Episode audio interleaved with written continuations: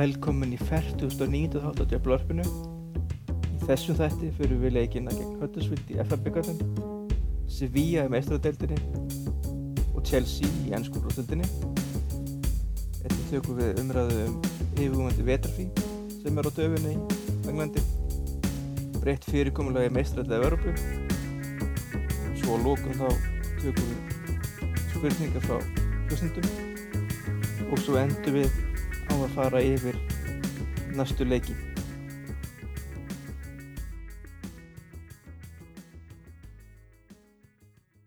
Velkomin í Djöflavarpið, með mér er Björn, Góða kvöldið. Friðrik Gott kvöld. og Halldór. Blessaður. Frá því við tókum upp síðast þá hafa verið þrý leikir og í öllum keppnum sem við erum í ennþá, það er, það, það er FA byggarinn, mestradæta Európu og svo náttúrulega úrvalstildin. Þá er spurningi hversu mikil keppn er í henni ennþá. En svona við förum svona, byrjum kannski fyrir svona hratt yfir svona Huddersfield og Sevilla leikina en byrjum á Huddersfield. Friðrik, þú fylgdist með United svona gera það sem þurft að gera í þeim leik og hérna,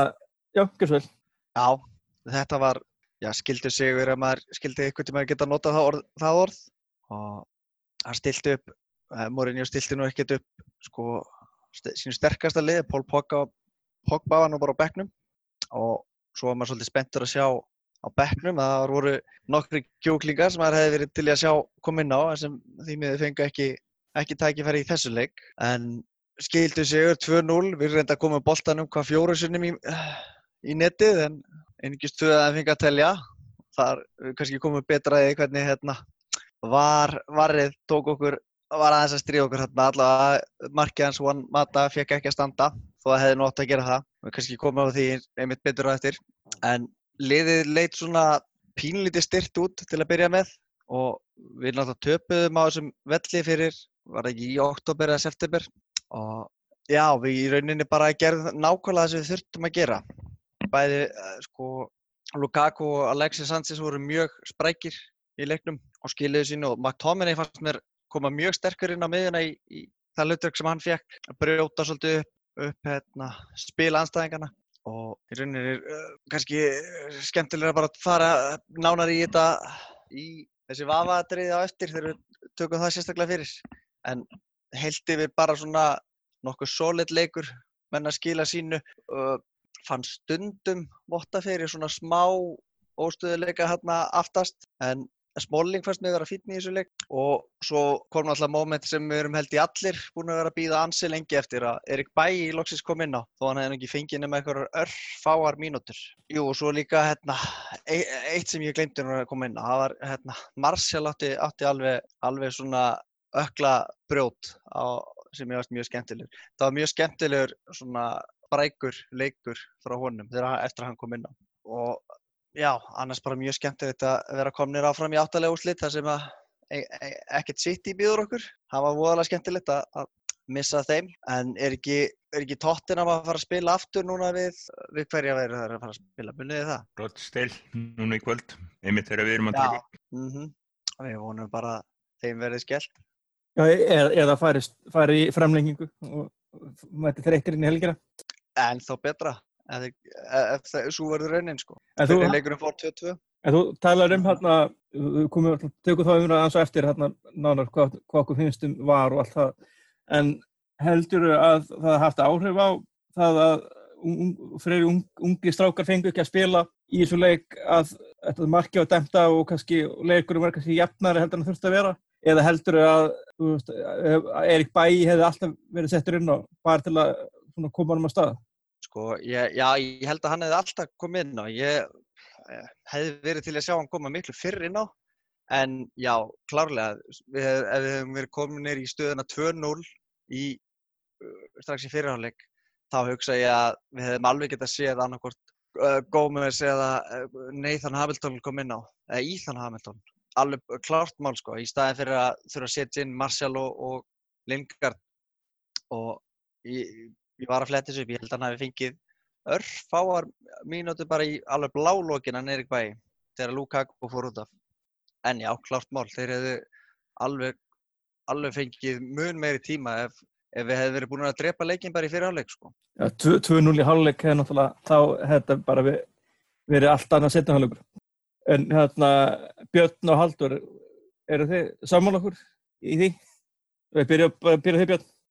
Ég reynda að sá ekki leikin en, en hérna með það sem ég heyrði þá var þetta bara líklega alveg nákvæmlega þetta. Aðeins of,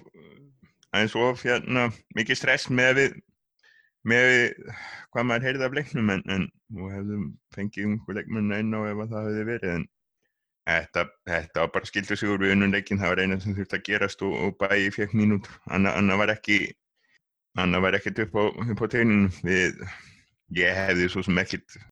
telli líklegt að Angel Gómez eða Ethan Hamilton hefði fengið mínútur þó hefði verið komið, kannski hefði komið þrjún úr en annars ekki þannig. Sigur, annars skiptir ekki máli. Já, við hefum nú séð þetta hérna í byggjarnum núna í þessum síðustu umferðum, hvað svona ferðir á útivelli sem að eiga að vera, eiga að teljast uh, auðveldir, hvað það geta verið, hvað það geta reynst erfiðir að hérna liðin sem að svona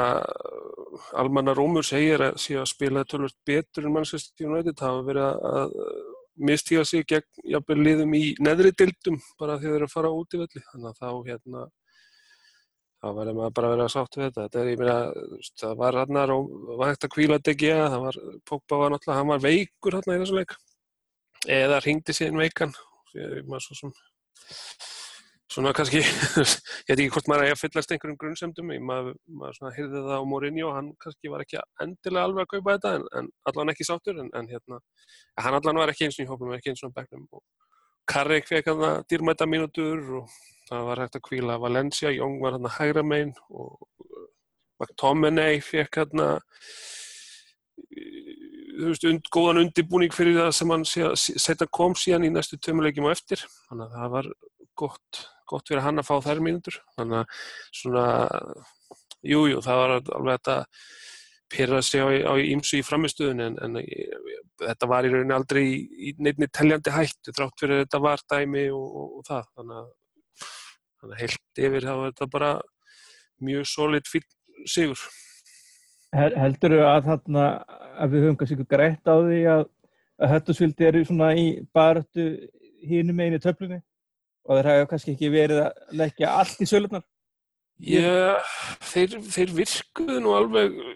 til í þetta sko, það voru að reyna að halda bóltanum og svona, kannski maður veit svo mikið hvort þeir hefðu ekki að gefa eitthvað meira í. Ég hugsaði að sé alveg þannig að sé fegnir að hafa ekki fleiri leiki í byggjarnum til að tröfla sig í bóttbaróttunni sko, þannig að hérna, mögulega hafði það eitthvað að segja sko, en en ég veit ekki, þetta, þetta virkaði nú samt alveg svona hvað baráttuna snertir alveg þokkalast að svona byggar þokkalast í svona byggarslagur sko en, en, en hérna þess að já, maður bara fínt að vera komin áfram og, og svo heimaleikur næst og, og hérna, það er svona leikur sem að United á, á, á alltaf að vinna. Þannig að það er bara döð að færa að koma sér í í, í, í hérna í góða stöðu til þess að fara að berjast af alvöru um innan byggar.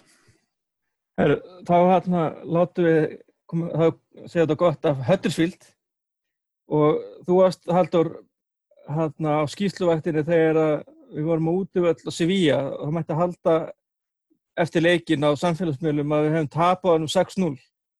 en var þetta ekki bara gammaldags bara United varkorur út yfir all á spáni? Já, það er, er góð, góð punkti hjá þér. Þetta svona, einmitt, við hefðum átt að halda að þeir hefði tapað þessum leik með, með við umræðuna, sko. En, en þetta er, þetta er kannski verið súmerað best upp í því að segja að þetta voru fín úrslitt en ekki, ekki nóg góð framist að því að sjálfsögur er, hérna, um að gera þegar þú ferð á, á erfiðan útivöll sem, sem að þessi völlur virkilega er þráttur að þeir hafi síðan skítapa í næsta leikum eftir í, í deildinni heimafyrir þá, þá er þeir ekki vanir að tapa mörgum, mörgum leikjum öðna og bara hvað fyrir þennan leik þá hafðu tapað einu leik síðan bara í november 2016 eða eitthvað. Og hérna þannig að þetta er veist, erfiður útivöllur og að fara varkárinn í þennan leik það er bara solid Evrópu gameplan en, en, en ég held maður að getur nú samt alveg gert á kröfum að um að sína aðeins meiri lit fram á við og hérna gefa þessu aðeins meiri sjens og, og svona þetta var svolítið mikið mikið döft en, en kannski helsti kosturinn, ég minna 0-0 staðan uh, segir það bara United getur náttúrulega ekki spila upp og neitt í aftabli getur ekki spila upp og það bara halda hreinu eins og ef að, ef að leikurinn hefði farið 1-1 til dæmis. Þannig að þetta er bara stíðið ja. það Ver, verðum að vinna. já, já, bara þarf að koma inn í setni leikin og, og þarf að vinna. Þannig að það er þá uh, eins og gott að er, er síni meira fram á við í þeim leik. Og maður hefur fulla trú að ég gerir það. Já, þetta var eins og, eins og Haldur segir, þetta var það var framistæði frekar en úslitin sem að pyrraði já, pyrraði mig. Og maður verið að sjá svo litið af um, umfjöldunum um, í vikunni um, um 0-0 og það síðastu sem ég sá var það að það hefur minkað Sagt, áður var það einn alveg örugt að, að lið sem gerði jæftabla út í velli 0-0 í fyrirleik komst áfram. Það var eitthvað 80% eða eitthvað svo leiðs og þetta er minkað á setni árum. Þannig að 0-0 er ekki að jafn örug hérna úslita út í velli fyrirleik eins og þau voru í Európa-kemni þannig að ég hefði viljað sjá mark við höfum all viljað sjá mark en við fengum ekki á okkur mark og það er náttúrulega það sem við höfum verið að sjá frá United bara í vettur og frá Mourinho og, og hérna kemur einhverjum óvart svo sem. Já, náttúrulega aðalega DG að þakka í þessum leik og ekki fyrsta skitt í vettur hérna, Nei að United fekk ekki á þessum mark. Við fáum á okkur skot sem að önnurlið hefðu fengið á þessum markur og, og það því það að hérna já, við erum með besta markmann í heiminn svo við vitaði nokkur ár og það er mjög lúft En svo er, er sennilegurinn, hann hann er núna eftir tværi vikur, þriðu dag eftir tværi vikur, tæpar. Þá kemur það í ljós, við, við bara vinnum þann legg, það er ekki klókið. Nei og, og rauninni það eina sem er í bóði, ef við ætlum, ætlum okkur áfram í, á, á, okkur, ætlum okkur áfram hann til þáttöku í kjarninu. En hann er eitthvað sem viljið bæta við sem ég leikinn, þetta var bara 0-0 og, og DG að ver helling og svona, þetta er svo sem ekki mikið kannski ekki margt að ræða. Það fengur svo sem alveg færin til að skora líka. Þannig að... Samt eiginlega ekki sko. Þetta var besta færið var hérna Sanchez... Já, hann átti, var það ekki það sem hann átti að skora úr, jú. Nei, var, var það Lukaku sem að... Er þetta ekki að tala um þegar hann tók hann með vinstri og það var alveg laflust skot? Jú. Já, á, svo, svo var það líka þegar hann, kom, þegar hann fekk sendingu innfyrir, það var Lukaku sem fekk sendingu innfyrir, tók hann alltaf að taka hann á lofti, þurfum hann bara hátt yfir. Og svo átti Mark Tomlin átti. Það var færið sem ég var að hugsa Já, Tomlin átti síðan langskot eitthvað í, held að það verið setnáleik sem var eina, held ég eina sko, tækifæri á, á ramman, þannig að þetta var í rauninni ekki Það, það var einmitt aldrei áhugavert, það, það var hann sem átti skotið. Út frá því sem við heyrðum um hann séðan frá Mourinho eftir Chelsea-leikin að myndi fara að skora.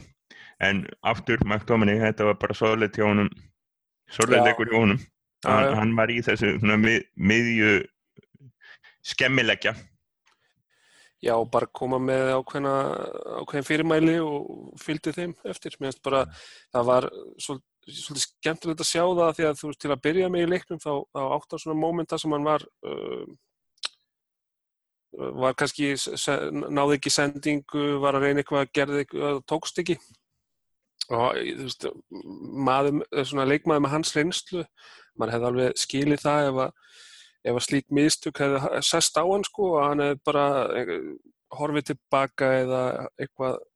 orðið lítill í sér. En, en hann ógs bara eftir því sem leið á leikin og, og það var virkilega flott að sjá. Virka, virkar eins og það sé bara virkilega flottur karakter í þessum dreng. Þannig að hérna, bara veist, alltaf að koma sterkar og sterkar inn. Og það var svona, hann var einn af björnustu punktunum í, í þessum leik hann og, og, og náttúrulega ekki að Já og eftir eftir, eftir eh, þetta eventýr þá kom leikur gegn erkifjöndunum eða einum af erkifjöndum United, Chelsea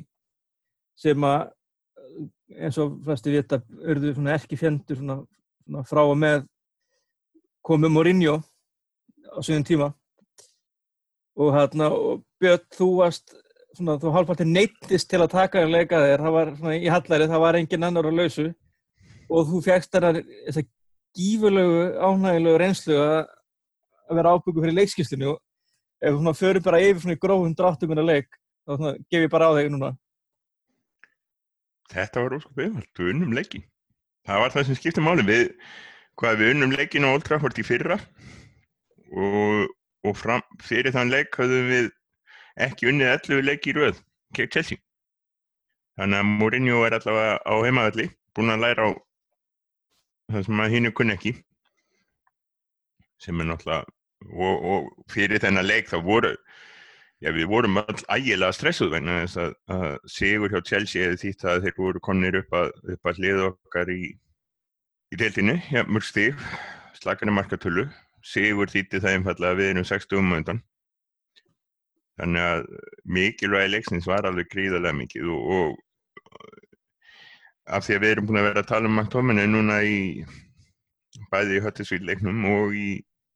Sevilla leiknum, þá gengd hann hlutverkin í svona sko 95% fullkomna í þessum leik. Hann, hann átti að vera á Hazard og var það svo duglega að Hazard svo tekinn út af eftir einhverjar 65 minnur eða svo.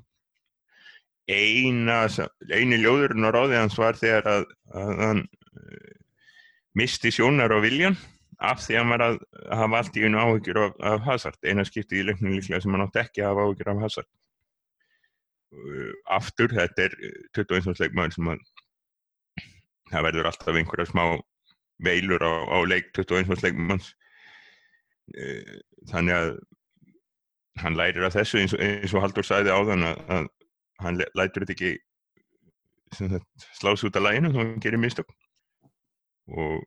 heilt yfir þá var hann einn af mönnum leiksins hann, í þessum leik. Þetta var auðvitað ekki fallegasti leikur sem við séum United spila og það var áhrifaríkt fyrir ekkar en hitt. Aftur áttu við fleiri færi heldur en, heldur en bara þessi sem að góða mörkin. En, en sem tilbreyting frá ekki reynda frá fyrir stjórum heldur frá Mourinho er þetta í þriðji deltalegurinn þar sem við lendum undir en komum tilbaka til að vinna undir stjórn Mourinho. Sem hefur verið einn af einn af helstu ágöllum á leiklýsins undir stjórn Mourinho. Og heilt yfir bara æðislegu sigur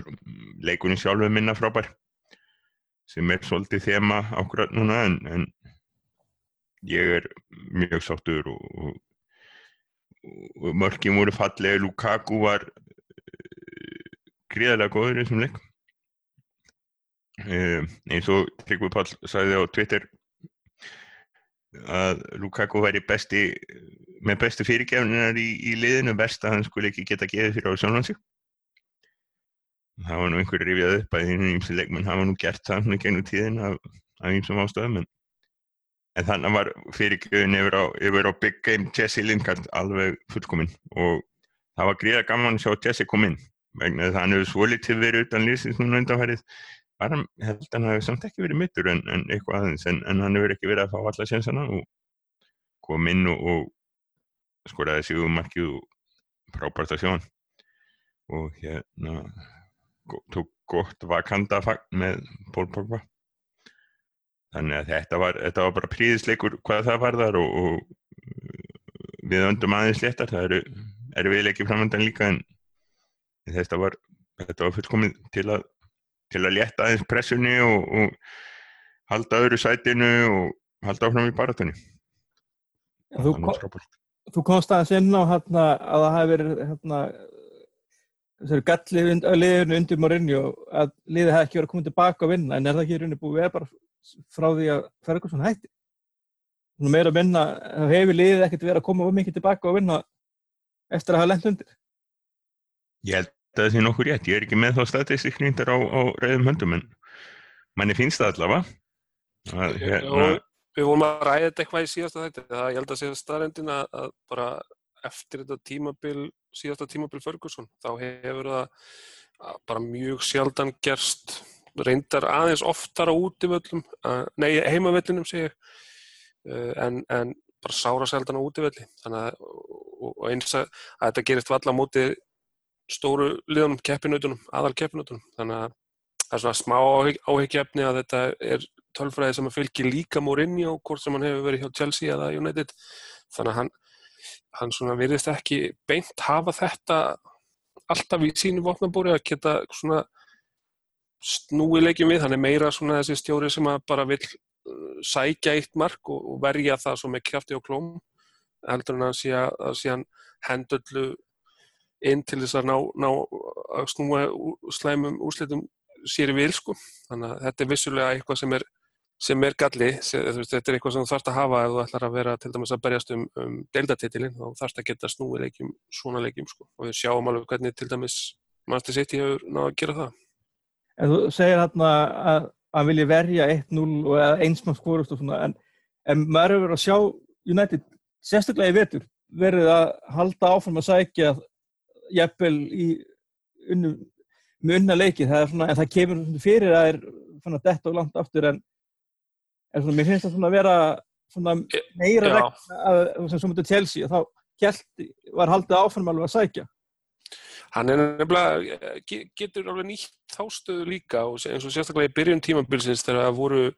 þegar United náði markinu lóksins ef það var kannski búið að vera einn að opna vörð hjá liði sem satt tilbaka svo kom eitt mark og þá þurfti hitlið að fara að sækja að þá er, hann er góður í því sko Mourinho að þá kemur hann með einhverja skiptingu uh, til þess að bregðast við skiptingu hjá stjóra anstæðingana og það oftar hann ekki kláraði leikin eins og til dæmis þessi, þessi klassíska skipting að fara úr 4-2-3-1 í 4-3-3 með, með því að sitja að fella inn í einn á opna þá fyrir í rauninni bæði Pogba og svo líka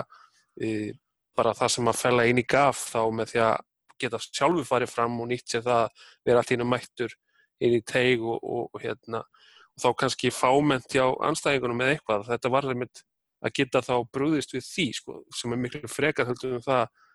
að, að bregðast við því þegar anstæðingurinn er komin yfir og er þá í rauninni ennþá staðránar í að, að halda því hvort sem það er litlu liðin sem að pakki vörn eða stóru liðin sem að þá veist, spila eins og þau spila til þess að, til þess að halda sínu fórskoti þannig að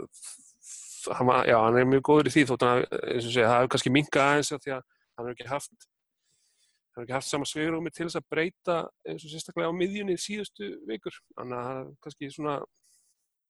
útskýrt að einhver leita af hverju, af hverju hefur aðeins minga að við sjáum United vinna 4-0 en, en en ég meina, þú veist, á meðan sigræðin eru að koma samt en þá eins og í byggandum og, og allt þetta, þá, þá tekkar þetta allt inn og, og það fer þá bara í karakterbankan.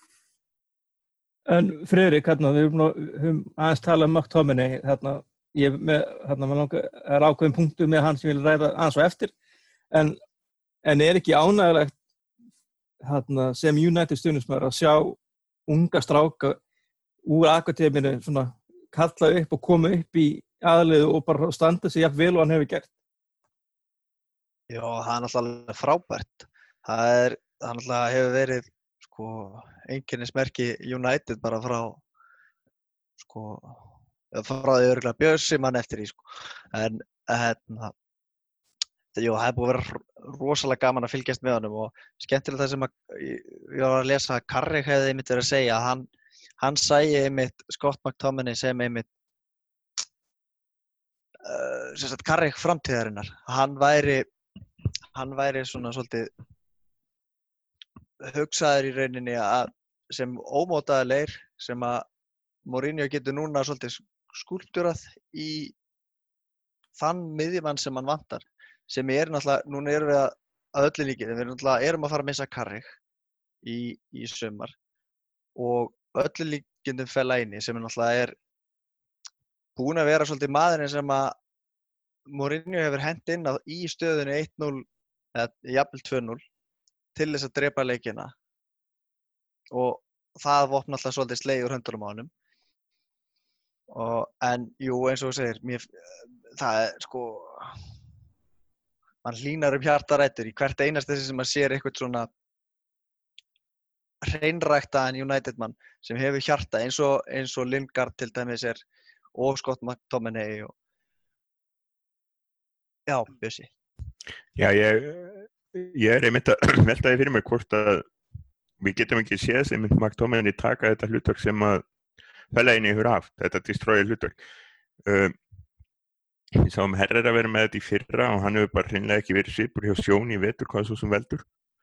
Svo náttúrulega meiðist að þannig þegar hann fær lóksins tækifæri eftir, eftir búin að vera mittur og meiðist svo strax aftur. Þannig að spurning hvort að við ég, ha, Þú eru líka eitthvað utanvallamál þarna á spánu sem getur verið að tröfla. Já, maður veit ekki alveg hvernig það er eh, hérna, það er einhver, einhver meint mútumál en, hann var inn á velli í einhverju leik sem að eitthvað átt að hafa gerst við, það kemur bara ljós. Nei, en, en, en McTominay gæti einmitt gengt þessu hlutverki að, að vera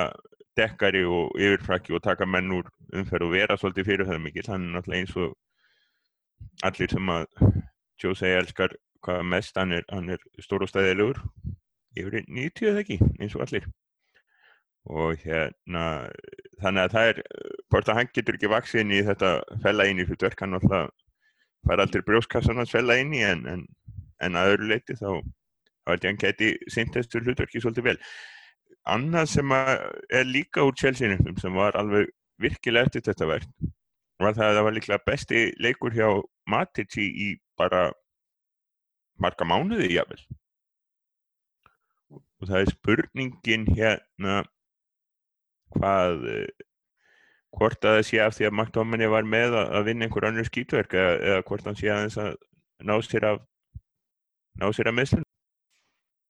Já, það, það er bara spurningin sko. En en já, Scott McTominay er alltaf búin að vera að mínum að þetta er frábær í undanhörnuleiki og hann er búin að stíga gjörsalega Mað, ég vissi í rauninni ekki hver þetta var fyrir þessa leiktið og Ég reyna að fylgja svolítið með umlingaliðinu og ég vissi ekki hver þetta var. Nei, nákvæmlega. Að, hérna, og ég var líka að lesa núna um daginn að hann er hann var aldrei þessi, þessi stóð út í, í unlingaliðunum og, og hann hefur ekki verið ég held að hann hefði eigi engan unlingalandsleisleik eða hafi nokkuð tíman farið í eitthvað svoleiðis og verið nokkuð tíma tekið einu til umhugsunar í því og, og við erum búin að sjá sko, miklu svona talentaðari leikmenn fara frá United. En já, sem gera það í rauninni bara miklu skemmtilega að sjá hvað í rauninni hann hefur fittað vel inn í þetta lið núna. Og ég menna bara eins og í þessum síðustu leikjum Sevilla leikurinn og, og, og tala ekki um Chelsea leikurinn Jú, jú, hann átti hérna þetta eina móment þar sem hann kannski hefur syndi verkinu, verkefninu sem Mourinho sett honum aðeins og vel þegar hann hefði kannski ekki átt að vera akkurat að gera það. En heilt yfir hefur þessi strákur gjörsanlega heillað mig, sko. Já, hann var náttúrulega, hann var alltaf mjög lítill með aldur, sko, þegar maður útskýraði af hverju hann var ekki hérna í landsliðunum og sérstaklega merkilegt að hann hefði til dæmis ekki, ekki komist inn í skorska landsliðinu sinni, sko, en, en hann var náttúrulega bara lítill, þá gæti hann að ég var átjónar gammal, þá tók hann vakstakipp og lendi miklu meðslum út af því, spilaði sárafóða leiki þá í unlíkaliðunum hjá United og, og hérna, en skilaði sér bara á þessu hrað, þetta er svona kannski ekkert ósvipa því sem hann var hjá Lingard sem var alltaf lítill með aldur en það skilaði sér þá í því að hann þurfti að pæla meiri hvað hann gerði og, og var þá einhvern veginn fór að hugsa öðru sér um fókbóltan og ég held að það gæti alveg, gæti alveg skilað sér inn í McTominay líka að hann þarf einhvern veginn að pæla meiri í hvað hann gerir og, og, og hvernig hann passar inn í liði og hvernig hann getur nýst í liðinu og það bara held ég að skilja sér. E, sko, hann er ekkert eitthvað stókinn fram fullskapaður en, en ég held að það hjálp honum að, að hjálp honum að vera komin á þennan stað og hjálp honum að halda haus og svona, hann virkar mjög eins og yfirvegaður og svona uh, hlýttrægur down to earth og eitthvað. Þannig að hérna þannig að það er bara mjög jákvæmt sko.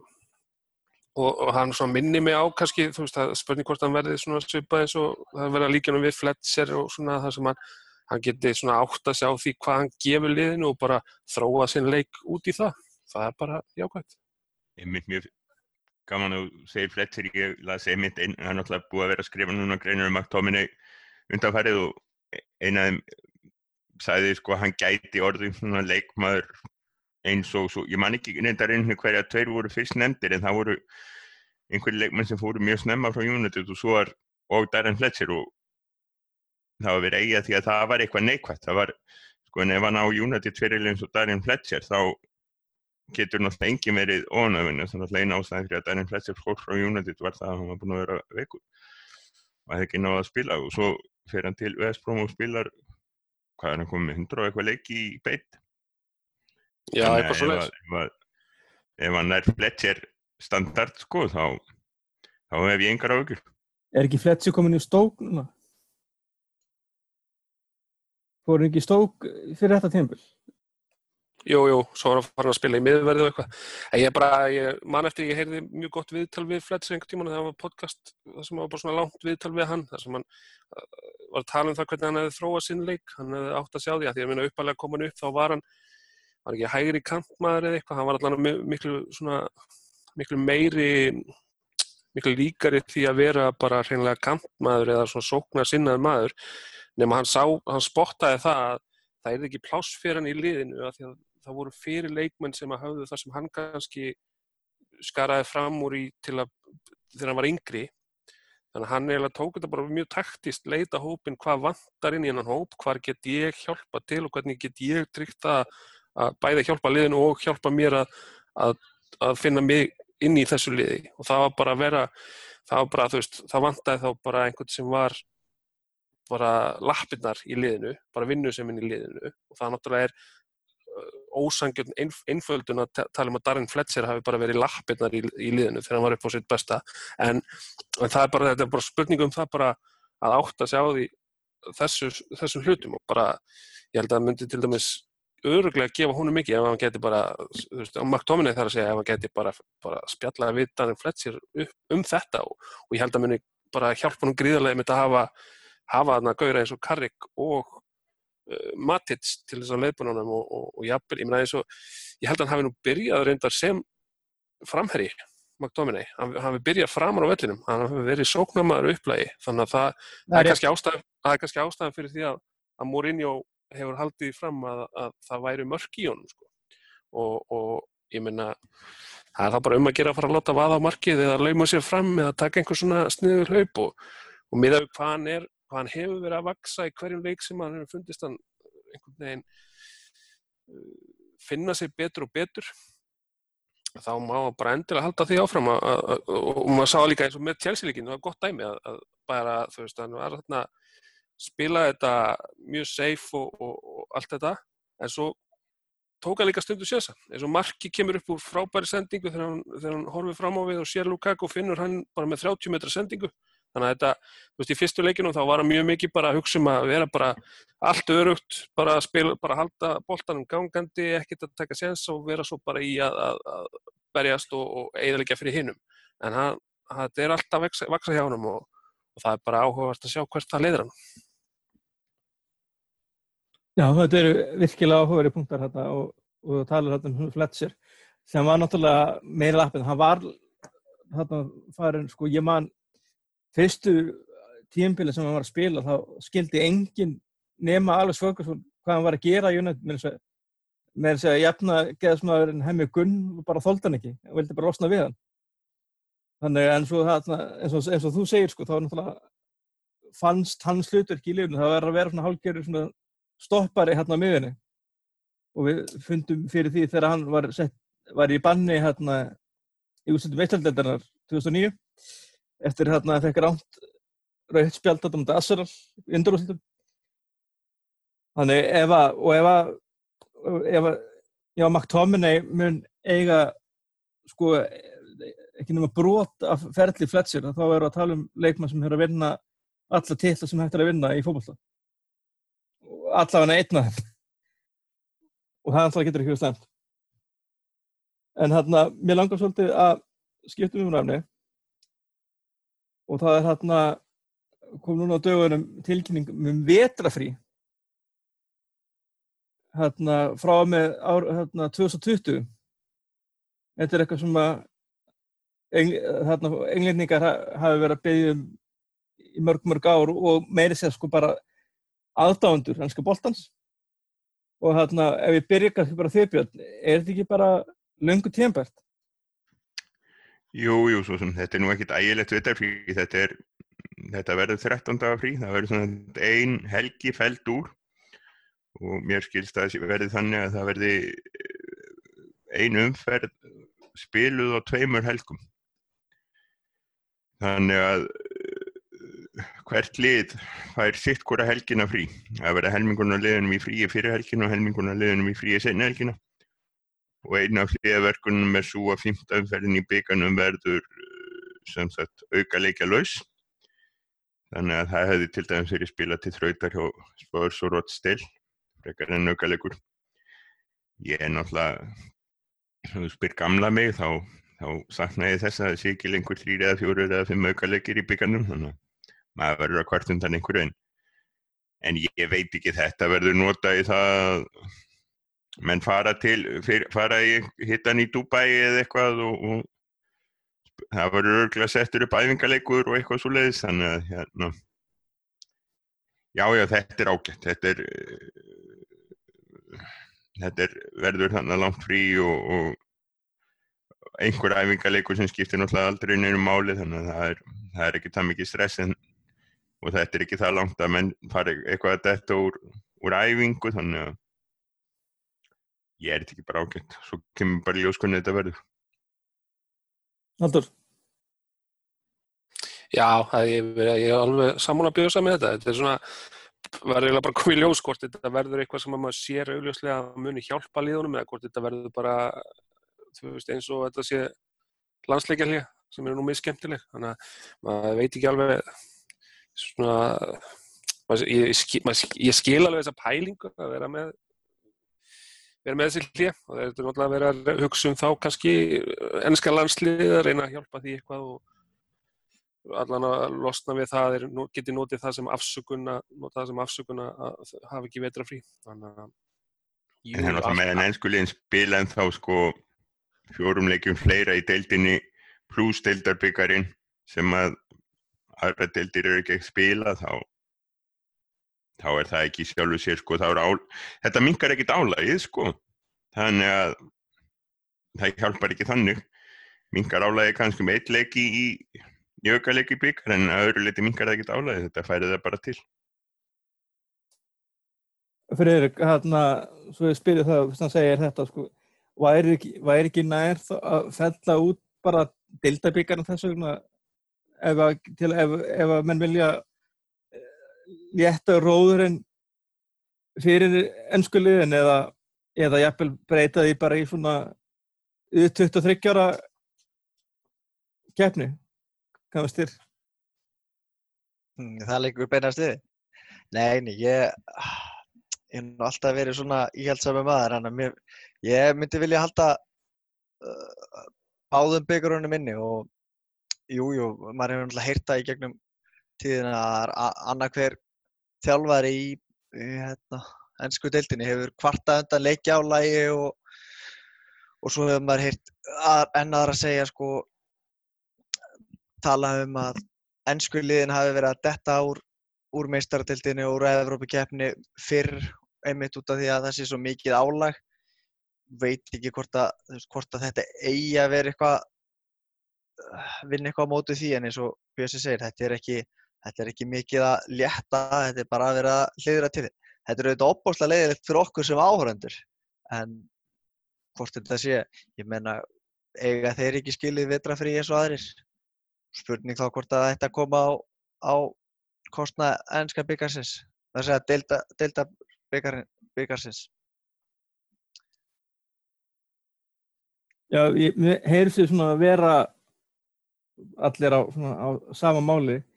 En hérna en eins og þér sérstu góður muni kannski þá komum við aðeins inn á mark sem var dæmt af í höttusvilt leiknum það sem að hann matta verið skora bara löglegt mark Friðrik, og, hana, og þetta hefur vækið mikla gaggrinni á og umræður og gaggrinni á, á var-teknina hvað er hérna, akkur geta englendingar ekki nota var á þess að sé eitthvað skandal hvert eins að skipti? Já, það er vonað að spyrjir. Það er náttúrulega þeir sem sáu og horða leikin sáu línundar teiknaðar á völlin eftir reyndar það er ekki, það var ekki það var tölvu tölvu teiknað. Einhverja línur sem átt að sker úr um það að, að hann væri kolrángstæður með við línundar en hann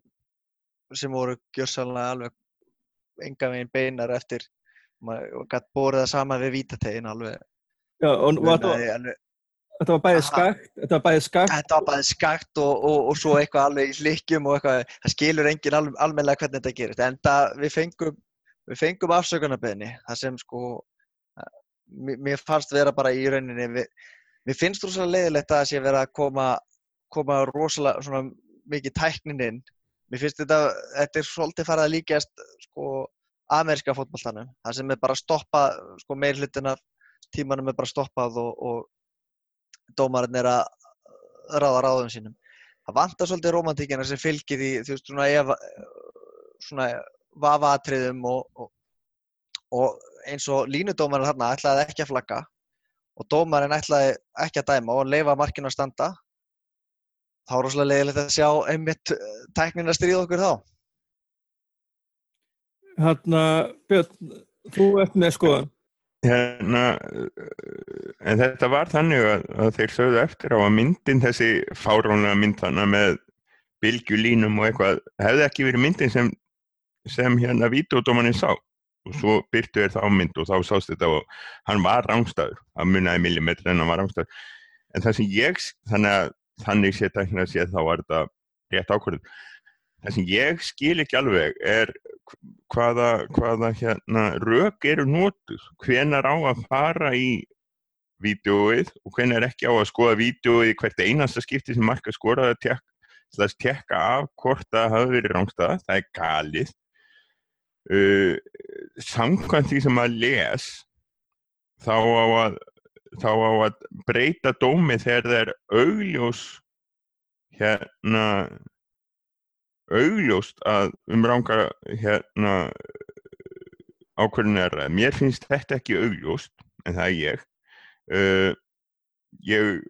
horfið svolítið mikið á krikket þar sem að hægt er að nota svona og það eru ákvæðunar notaðar með, með því að það er reiknað út það sem verið er að gera yfirleitt er það að vera að reikna út hvert krikketkúlan hefði farið ef að fótur uh, hérna kilvingsins hefði ekki verið fyrir. Og, og það er alltaf einhvern smá vaf á því og, og, og ef að vafin er á því hvort hann hefði farið í rikketlið eða ekki ef, að, ef það er ekki alveg augljóst ef hann þá hérna þá gildir ákvörðun á vellinum sem sagt hvort sem að hún er út eða ekki út. Þannig að þá er, þá er sem sagt vafin hann er mjög, mjög harkalega dæmdur í vil upphaflega dómsins. Þannig að ég mér finnst allt í lægi ef að menn eins og ég heyra þetta sé í Þískalandi þá er videodómarinn ekki inn á vellinum heldur situr einhver staðar í konn eða eitthvað og hún dæmir það og, og, og þá á þetta bara að vera þannig að, að ef að vafi er á þá vísar dómarinn því til videodómarinn dóm, og videodómarinn tekur ákvörðun og ekkert samráðið en eitt slíkt sko. en ég veit ekki alveg hvernig þetta ætti að vera ég spurning hvort að einhverju vilja fá húnna referral þannig að þjálfarin eða einhver fá að einu sinni að fá videodómkessli eitthvað ég Frögg, Já, sko, ég veit ekki um með ykkur, en ég var, ég var rosalega lindur marklínutæklinni þegar hún kom. Því að það finnst mér einhvern veginn geta verið clear cut case. Það er bara, annarkvort er allir bollin komin inn eða ekki. Það er ekkert spurning um eitthvað brotur millimetra, það er bara, það er annarkvort mark eða ekki. En þarna, einmitt, þegar, eins og Björnsi segir, það er vafamál Ok, hann er reyndar ekki samanlega mér. Mér fannst þetta ekki vera rángstað. Mér fannst þeir vera alveg nýfjafnir. Og það, mér finnst það rosalega leiðilegt þegar ef það getur í rauninni breytt, breytt domnum þegar það er já,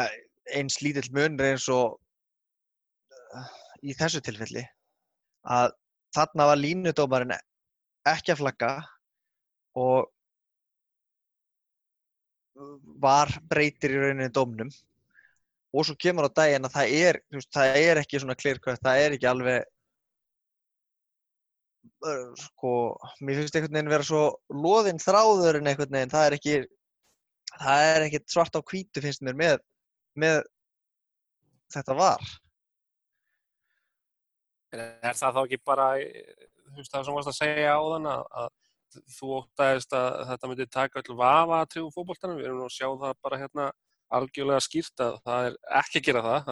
við höfum áfram eitthvað til að rýfast um, jáfnvel þótt að videodómgæslan sé nótuð. Uh, ég held einmitt með þessa rángstöðu að þetta var sko,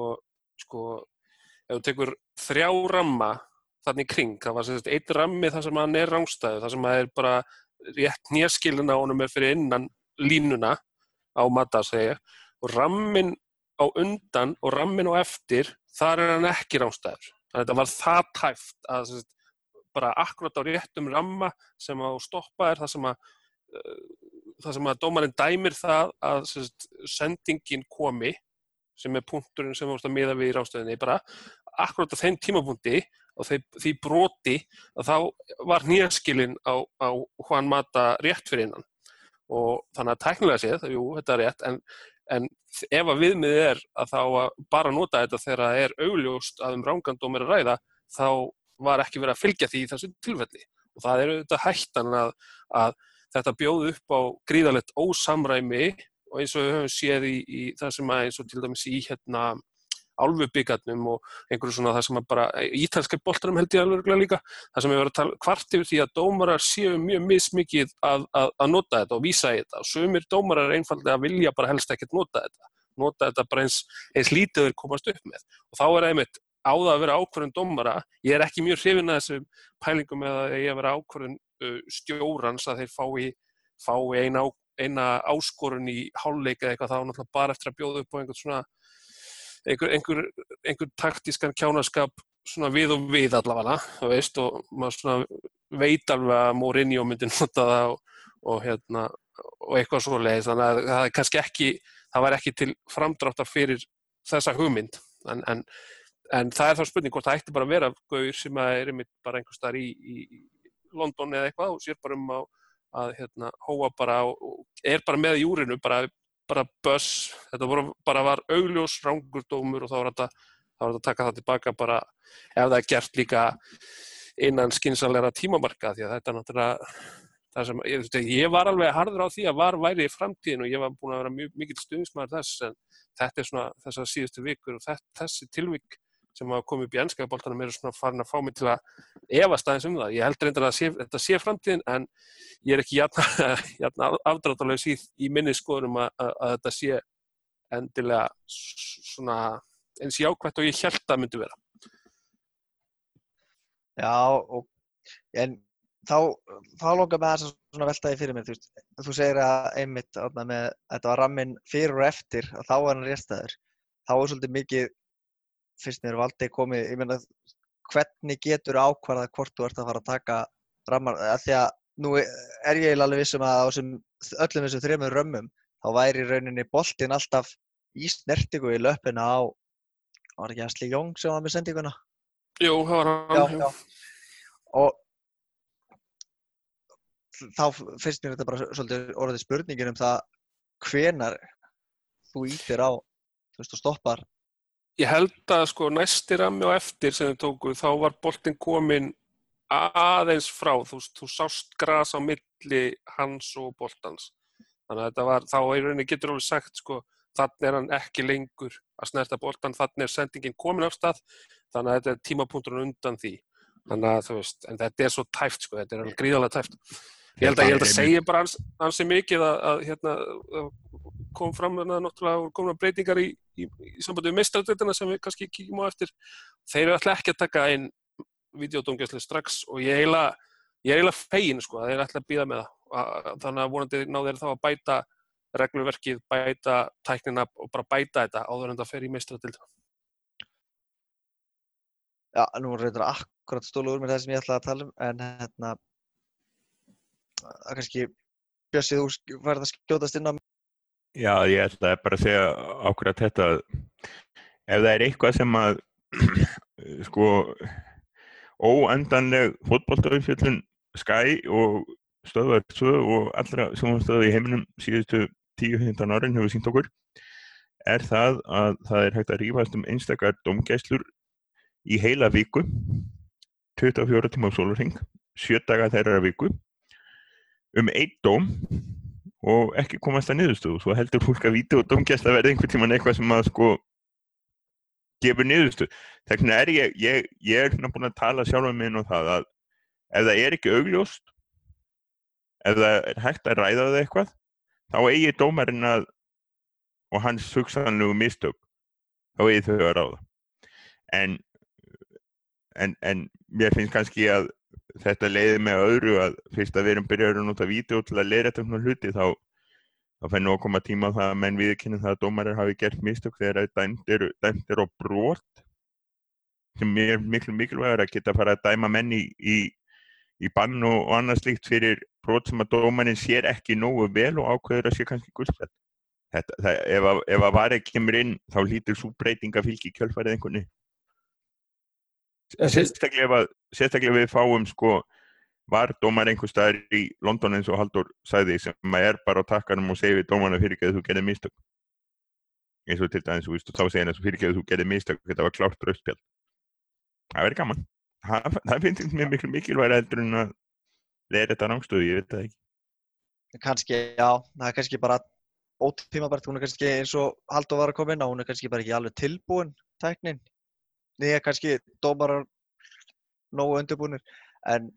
ég bara veltaði fyrir mér hvernig hefði þetta verið þetta hefði verið í Chelsea leiknum, í stöðunu 1-0 eða 1-1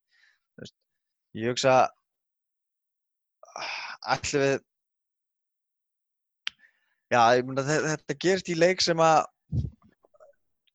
okkur var í rauninni þú veist, sama hvort við myndum vinna 3-0 eða 1-0 eða 2-0 þetta er, bara í byggarnum en þetta hefði verið eins og, eins og Chelsea leikurum var 6 stega leikur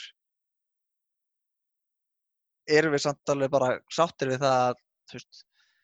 geta verið rændir að tækni sem að mér finnst klárlega ekki vera komin á á það par sem ég vil á hann sé. Að hún geti í rauninni haft svona mikil áhrif. Já, ég, ég held nefnilega, ég er svona sammála sko bjössa eiginlega bara svona mest öllu leiti er að, að það eigi ekki grípin í þetta nefn að séu augljósmistug af því ef, ef það er hægt að rýfast um það sko innan, og það er ekki meina sko og það er ekki meina svo byllið þarna þegar Liverpool var að mótmála rauðarspjöldunum Van Dijk, ég er að menna eitthvað þegar það er augljósleg bara rángir dómar sem er hægt að grípa strax og leiðir þetta aðeins að bytni niður á, á þú veist, ég meina sér eins og þessum leik Chelsea, þetta hefur rosalega dýrst að tapa svona leik eða, eða hérna bara vinna hann ekki og taka hann annars þetta aftur á Liverpool. Og hérna ég sé þetta ekki sko þetta er náttúrulega í delta hérna er í, hérna, í byggandum en ég, ég, mér finnst þetta eiga alveg tvö ára eftir að, að, fara að nota þetta fyrir viti í alvöru alvöru keppni. Og hérna þú komst þarna inn á að þetta er þið ekki notað í mistöldundinni heldur hérna við ætlum að taka, taka smá meistri eða þetta umræði hérna ég held svona, svona í gróðundu áttum sem við nokkuð sammálum var að þetta sé ekki tilbúið og, og þurfa að vera skýrar regluverk. En, leiða þér aðeins að leiða hérna meistridelda fyrirkomulegi sem er, er vist eitthvað að breytast Haldur Já, uh, ég er svo sem er ekki með 100% á hreinu hvað, ég, ég held að sé aðalega það stóru deildirnar eru ennþá tröstari með sín sæti og, og það breyta hérna, fórkeppninni að einhverju leiti þannig að þá, þá uh, kannski helsta breytingin fjórðarsæti, það þarf ekki að fara í neitt umspill sem er ákveðin kostur fyrir liðið sem leitir í fjórðarsæti í ennskuðleildinni en, en það svo sem var alltaf ákveðin gulrót að sle, reyna að sleppa við því við það sig þannig að hérna ég er ekki alveg, já, alveg með á hreinu hvað nákvæmlega breytist fyrir utan þetta umspil verið miklu flóknara og ég eiginlega, þegar um lögum að sá að, ennskuliðin er ekki þurfa ekki einu svona að hugsa um það þá kannski var maður ekkert að kynna sér þannig nánar. Það var kannski helst að, að þeir ætla að skipta upp tímanum þannig að það verða, verða tvei leiktímar eins og hefur verið í Evrópudeildinni þannig að við getum lendið því til er suma tími hérna þá held ég að fyrir leiktími sé 5 mínútur í 5 eitthvað svo leiðis í íslenskum tíma Það er náttúrulega United sé aldrei að fara að spila á þeim tíma samt uh, þurfa þær ekki að skiptast á er þetta ekki eins og í Ég veit það ekki, við erum, við erum það verða peningarnir sem að tala hvað það var þar og Já. ég held þú sért ekki að fara að láta United spila kl. 5 sko, já, það er þá hvað 6 að ennskum tíma? Það er ekki peningamænlegur tími fyrir United sko. Þannig að ég Nei, það er spurning það er spurning hvernig Það verður ekki þegar það er já, ég veit það ekki. Því ég sko, ég meina, UEFA er náttúrulega ekki alveg eins og FA þegar kemur, ennska græsbundursambandi þegar kemur á því að, að leifa sjónvarstöðunum að svona pikka út leiki til þess að velja sér leiktíma þannig að það getur verið að spurning hvort að reglurnar einfallega neyðið á til þess að það verði að vera. Eins og bara þegar við vorum í Evrópudildinni þá var það þannig að það þurfti að vera þrý leikir á þessum tíma og þrý leikir á hinnum tímanum og það var bara ekkert þú veist, þú komst ekkert upp eða vera svissa því eitthvað til það verður alltaf á fyrir tímanum. Þannig að ef það er einhver úsnefnklið að spila þá notaðu hann. Já, einmitt málið náttúrulega en náttúrulega Europa líka það voru margfald fleiri leikir heldur en eru í náttúrulega fleiri riðilar það er þetta rétt, það getur verið ákveðið spyrum í, í því sko. En, en ég minna að þú ert kannski með mistöndundina og ferð að fara að láta peningana ráða ég, veist, endra ekki með því að þá eru flesti leikinni bara á setjum tímanum og ég, ég veit ekki, mér finnst þetta svolítið spesbreyting en, en það lítur á einhverja ástæða fyrir því. En, en hérna, þetta tekur gildi 2019 eða ekki, eða 20? Ég held þessi 2019 Já, það eina, eina sem snertir, það kom einhverjum fréttum hérna heima því þetta snertir náttúrulega íslensku liðin er að er að Íslandsku meistarinn mun alltaf fá tvo leiki. Er, þeir fari í Európa-dildirna um leið og er tapa í, í þessu þannig að hérna, nema held í fjóri liðlugustu meistarinn í Európa þurfa að spila um eitt sæti í Champions League umspilinu ég veit ekki alveg þetta gerir það verkum skildist mér að, að það verður lengri leiðin e, jável þó að Íslandsku meistarinn þeim gangi vel þá, þá er engin ég leiðin orðin einhverju fimm leikir í meistaröldinu. Já, ég held að það verði líka tekið upp einhvers konar mínideldarfyrirkomulag í um, umspilinu. Já, það var, það var held ég bara fyrir, bara fyrir neðstu fjöguliðin, neðstu fjóra Já, til að komast í, já, til, ok, ok. Já. Það kemur eitt lið úr af þeim fjórum ok. Þannig að þau byrja vantanlega að spila einhver tíman í mars. Það verður sennilega ekki einsflóki á þjóðadeldin samt. Þjóðadeildin er mjög einföld, það er bara, þú ert að horfa á grafið í svona tvær mínútur og þá er þetta mjög einföld. En, en það er annað podcast og önnur umræð. Algjörlega, algjörlega. Hanna, við hérna auglustum eftir spurningum frá ykkur hlustundur. Ég ætla að vona að séu náðalega hlustundur, ekki bara lesendur. Ég ætla að vona að ef þið eru að spyrja það séu þá líka að hlusta. Ég held að það ég held að það hérna gefur auga leið og hérna við hérna byrjaðum hérna nokkuð hérna spurningum sem fengum á Facebook Þóratar Helgason segir hérna langar að byrja að þakka okkur fyrir frábært podcast til mikill að fyrirmyndar. Takk fyrir það. Og hann segir hérna það er kannski tvent sem að vera til að heyra okkur að það er hérna nummer eitt að það er nefnt að þurfa að styrkja ákveðna stuður en ef peningur og availability í leikmanna væri ekki fyrirstaða hver, hverjir ætti þá þarna, ég gera það fyrir maður að með hverju mætti þá að manna þessar stöður í næsta klukka. Og hérna við byrjum bara tökum bara hérna í stærðarsöfu björn. Hva, hvaða ég, leikmenn þið fyrir? Ég, ég reyndar, er ekki einn af þeir sem horfir á alla Evropuleiki eða alla leiki einhvers þar þannig að ég er ég er eins og margir ég ég nenni sérnast lindar að horfa á einhver YouTube myndbönd af leikmennum sem eru frábærir á YouTube. En ég, ég verði að gefa bóltan yfir á, á ammaliðspart gerðdagsins svo við getum rætt hitt ammaliðspart gerðdagsins, er það ekki? Haldur? Herru, jú, Jú, Amaris bróður minn hérna, það er- væri bara, hann væri fyrsta, fyrsta nafn á blað hjá mér og er það í rauninni, hann er svona óskalistanum, eftir óskalistanum hjá mér. og hann Sergei- heitir Sergei Milinkovic Savic sem að spila, er að spila einmitt núna í kvöld með eh, Lazio gegn AC Milan og hérna það er bara einfallega frábær miðjumæður, stórkostlega miðjumæður, búin að spila gríðarlega vel núna í, á þessu tímabili. Og það er einhver sem myndi bara koma þarna inn og, og, hérna, og bæta þetta til muna. Og hann er svona einhver stað sá ég að hann, hann væri þessi, hann gæti leist þessa rullut sem að ef við horfum á það til dæmis þegar, þegar Fellaini hefur spilað hvað best, þegar hann er svona sem er kallað deep lying target man sem er svona hva, hva, var það ekki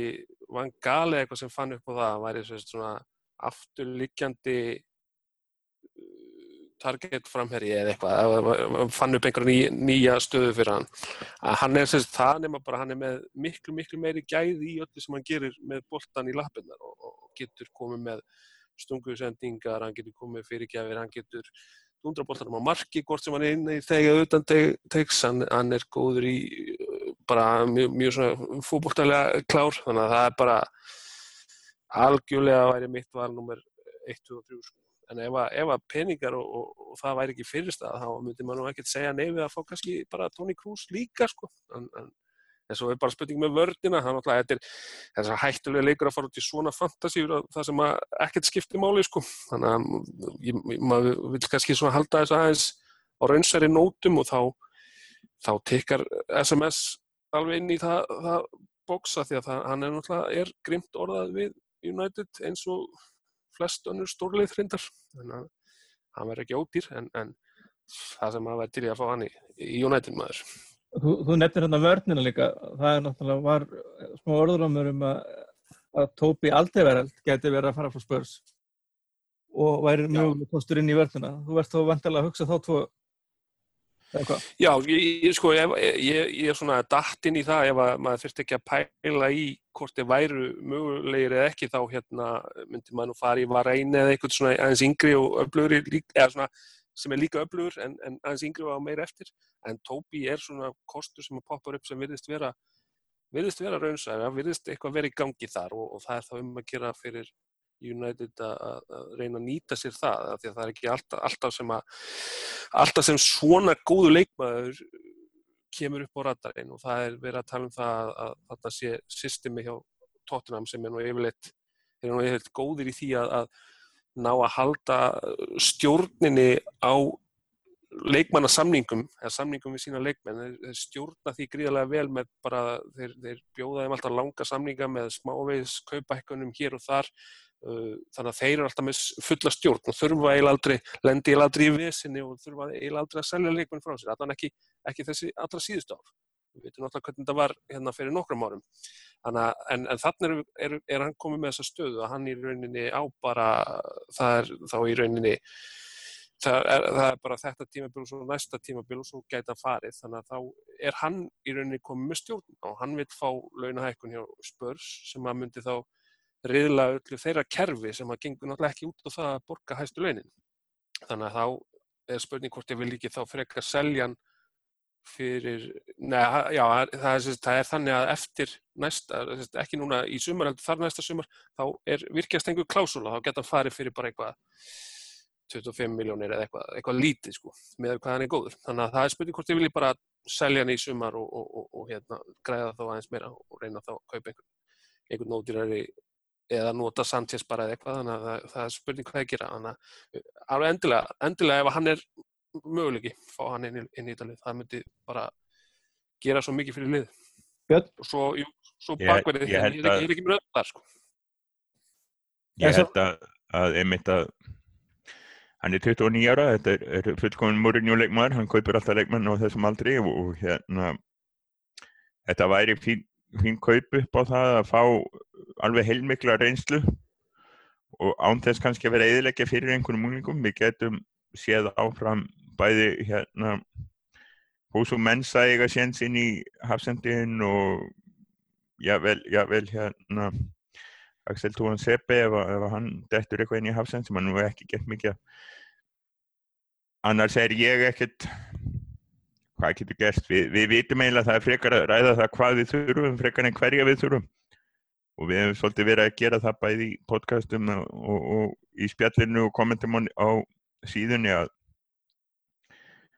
að það er vörn og miðja. Hvað mikið af vörn og miðju? Það er svo annað, annað mál.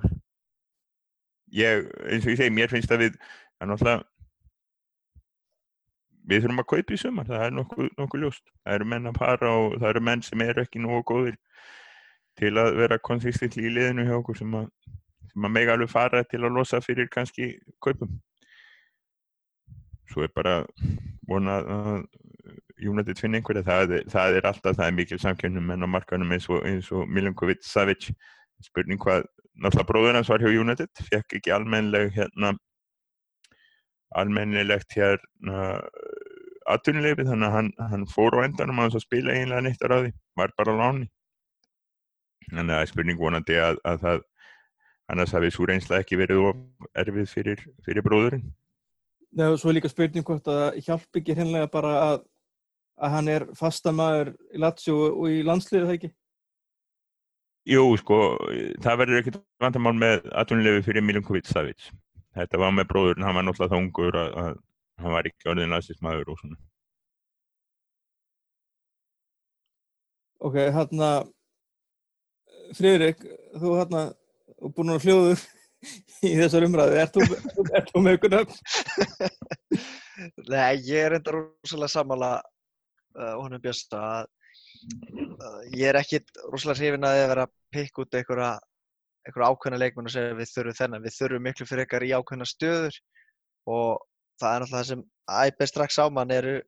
er miðjan og, og bakverðir. Ég, hérna, mér hefur fundist Asli Jóng og, og Antonio Valencia, sérstaklega eftir að, að Valencia meittist, mér hefur ekki fundist þér vera eins góður eins og þér hafa verið undanfarin, uh, undanfarin tímabil. Og ég reyndar, reynlega skil ekki alveg sko af hverju af hverju hann Mourinho hefur valið Asli Jóng svona oft yfir Luke Shaw. Er, ég er algjörlega 100% á Shaw vagninum sérstaklega eftir að mér, eftir að hann kom tilbaka á þessum erfið meðslum og, og virtist bara vera að eigna sér þessa vinstri bakvarða stöðu. En ég, nei, ég myndi ekki vilja sko fara að neymdroppa eitthvað sérstaklega. Ég, jú, ég væri ég get alveg viðkjönt að ég uh, myndi ekki slá höndin á móti SMS mér, mér finnst hann mjög spennandi leikmaður og hann er rosalega svona morinjólegu leikmaður. Sko e- 1.93 eða hvað hann er og, og hérna stór og sterkur. Samt rosalega teknískur og, og gaman að horfa uh, hugsa, gæti líka sér fyrir mér að fá Jor- Jorginho frá Napoli. Toni Kroos var náttúrulega sko ég held valla vatni hérna fyrir man ekki hvort það var 2014 þegar hann var sterklega orðaðið við okkur en fór svo endan til Real. Þá Já, Maggi, hvernig var það aftur með Tony Cruz greinina þína? Er hún ennþá til? Getum við kannski fundið hann aftur? hvernig var hvernig var þú myndir hoppa upp í óæðra endan að Það er hérna verið að vísa í mesta tingsriðstjórnum þegar í fyrst og eina skiptið á, á ferli bloggsins þá var búið að skrifa velkomin til United greina og Maggi greiðið hann hérna. ég fekk það hlutur Við minnum hann ekki á þetta nema mestalagi tvísvar í viku. Já, ég meina, ef hann kemur, meina, þá er er greinin örgulega til. Er, já, það er þetta tilbúið bara. Það, það þarf ekki að setjast niður og skrifa. Það er bara, það er bara að breyta bæinn í real og þá erum við góður og örgulega fyrst upp eitthvað landsleiki og svona. En hérna, fyrir ekki, þú komst inn á hérna hérna Young og Sjó það er vera okkur bast spurning frá Inga Steini Freysninsinni einni á, á Facebook eru menn ekkert að vera þreyttir að hafa hérna í leftback og kostna Sjó og hérna, við vitum þína skoðun, hérna, ég gef hérna Haldur erum við ekki orðin svolítið þreyttur á að fá ekki sjá sjó spila meira? Eftir þess að lofandi umsókn frá Mourinho um daginn. Jó, það er þetta, er alltaf svolítið skrítið en það var einmitt þegar hann, þegar hann upp í kringum, var ekki í kringum jólatörnina sem hann, eða desember nógumbi desember þegar hann datt inn í og spilaði svo bara nokkra leikir röð og bara viltist allt ganga glimrandi vel Í janúar, hann kom, kom eftir, rétt eftir áramönd, við vorum að tala um það í desember að við heldum að hann væri að fara. Já, já, ok. En það var þarna þegar hann fekk einmitt nokkra leikir röð og, og stóð sér vel, þá var samt eitthvað sem að, þú veist maður, ég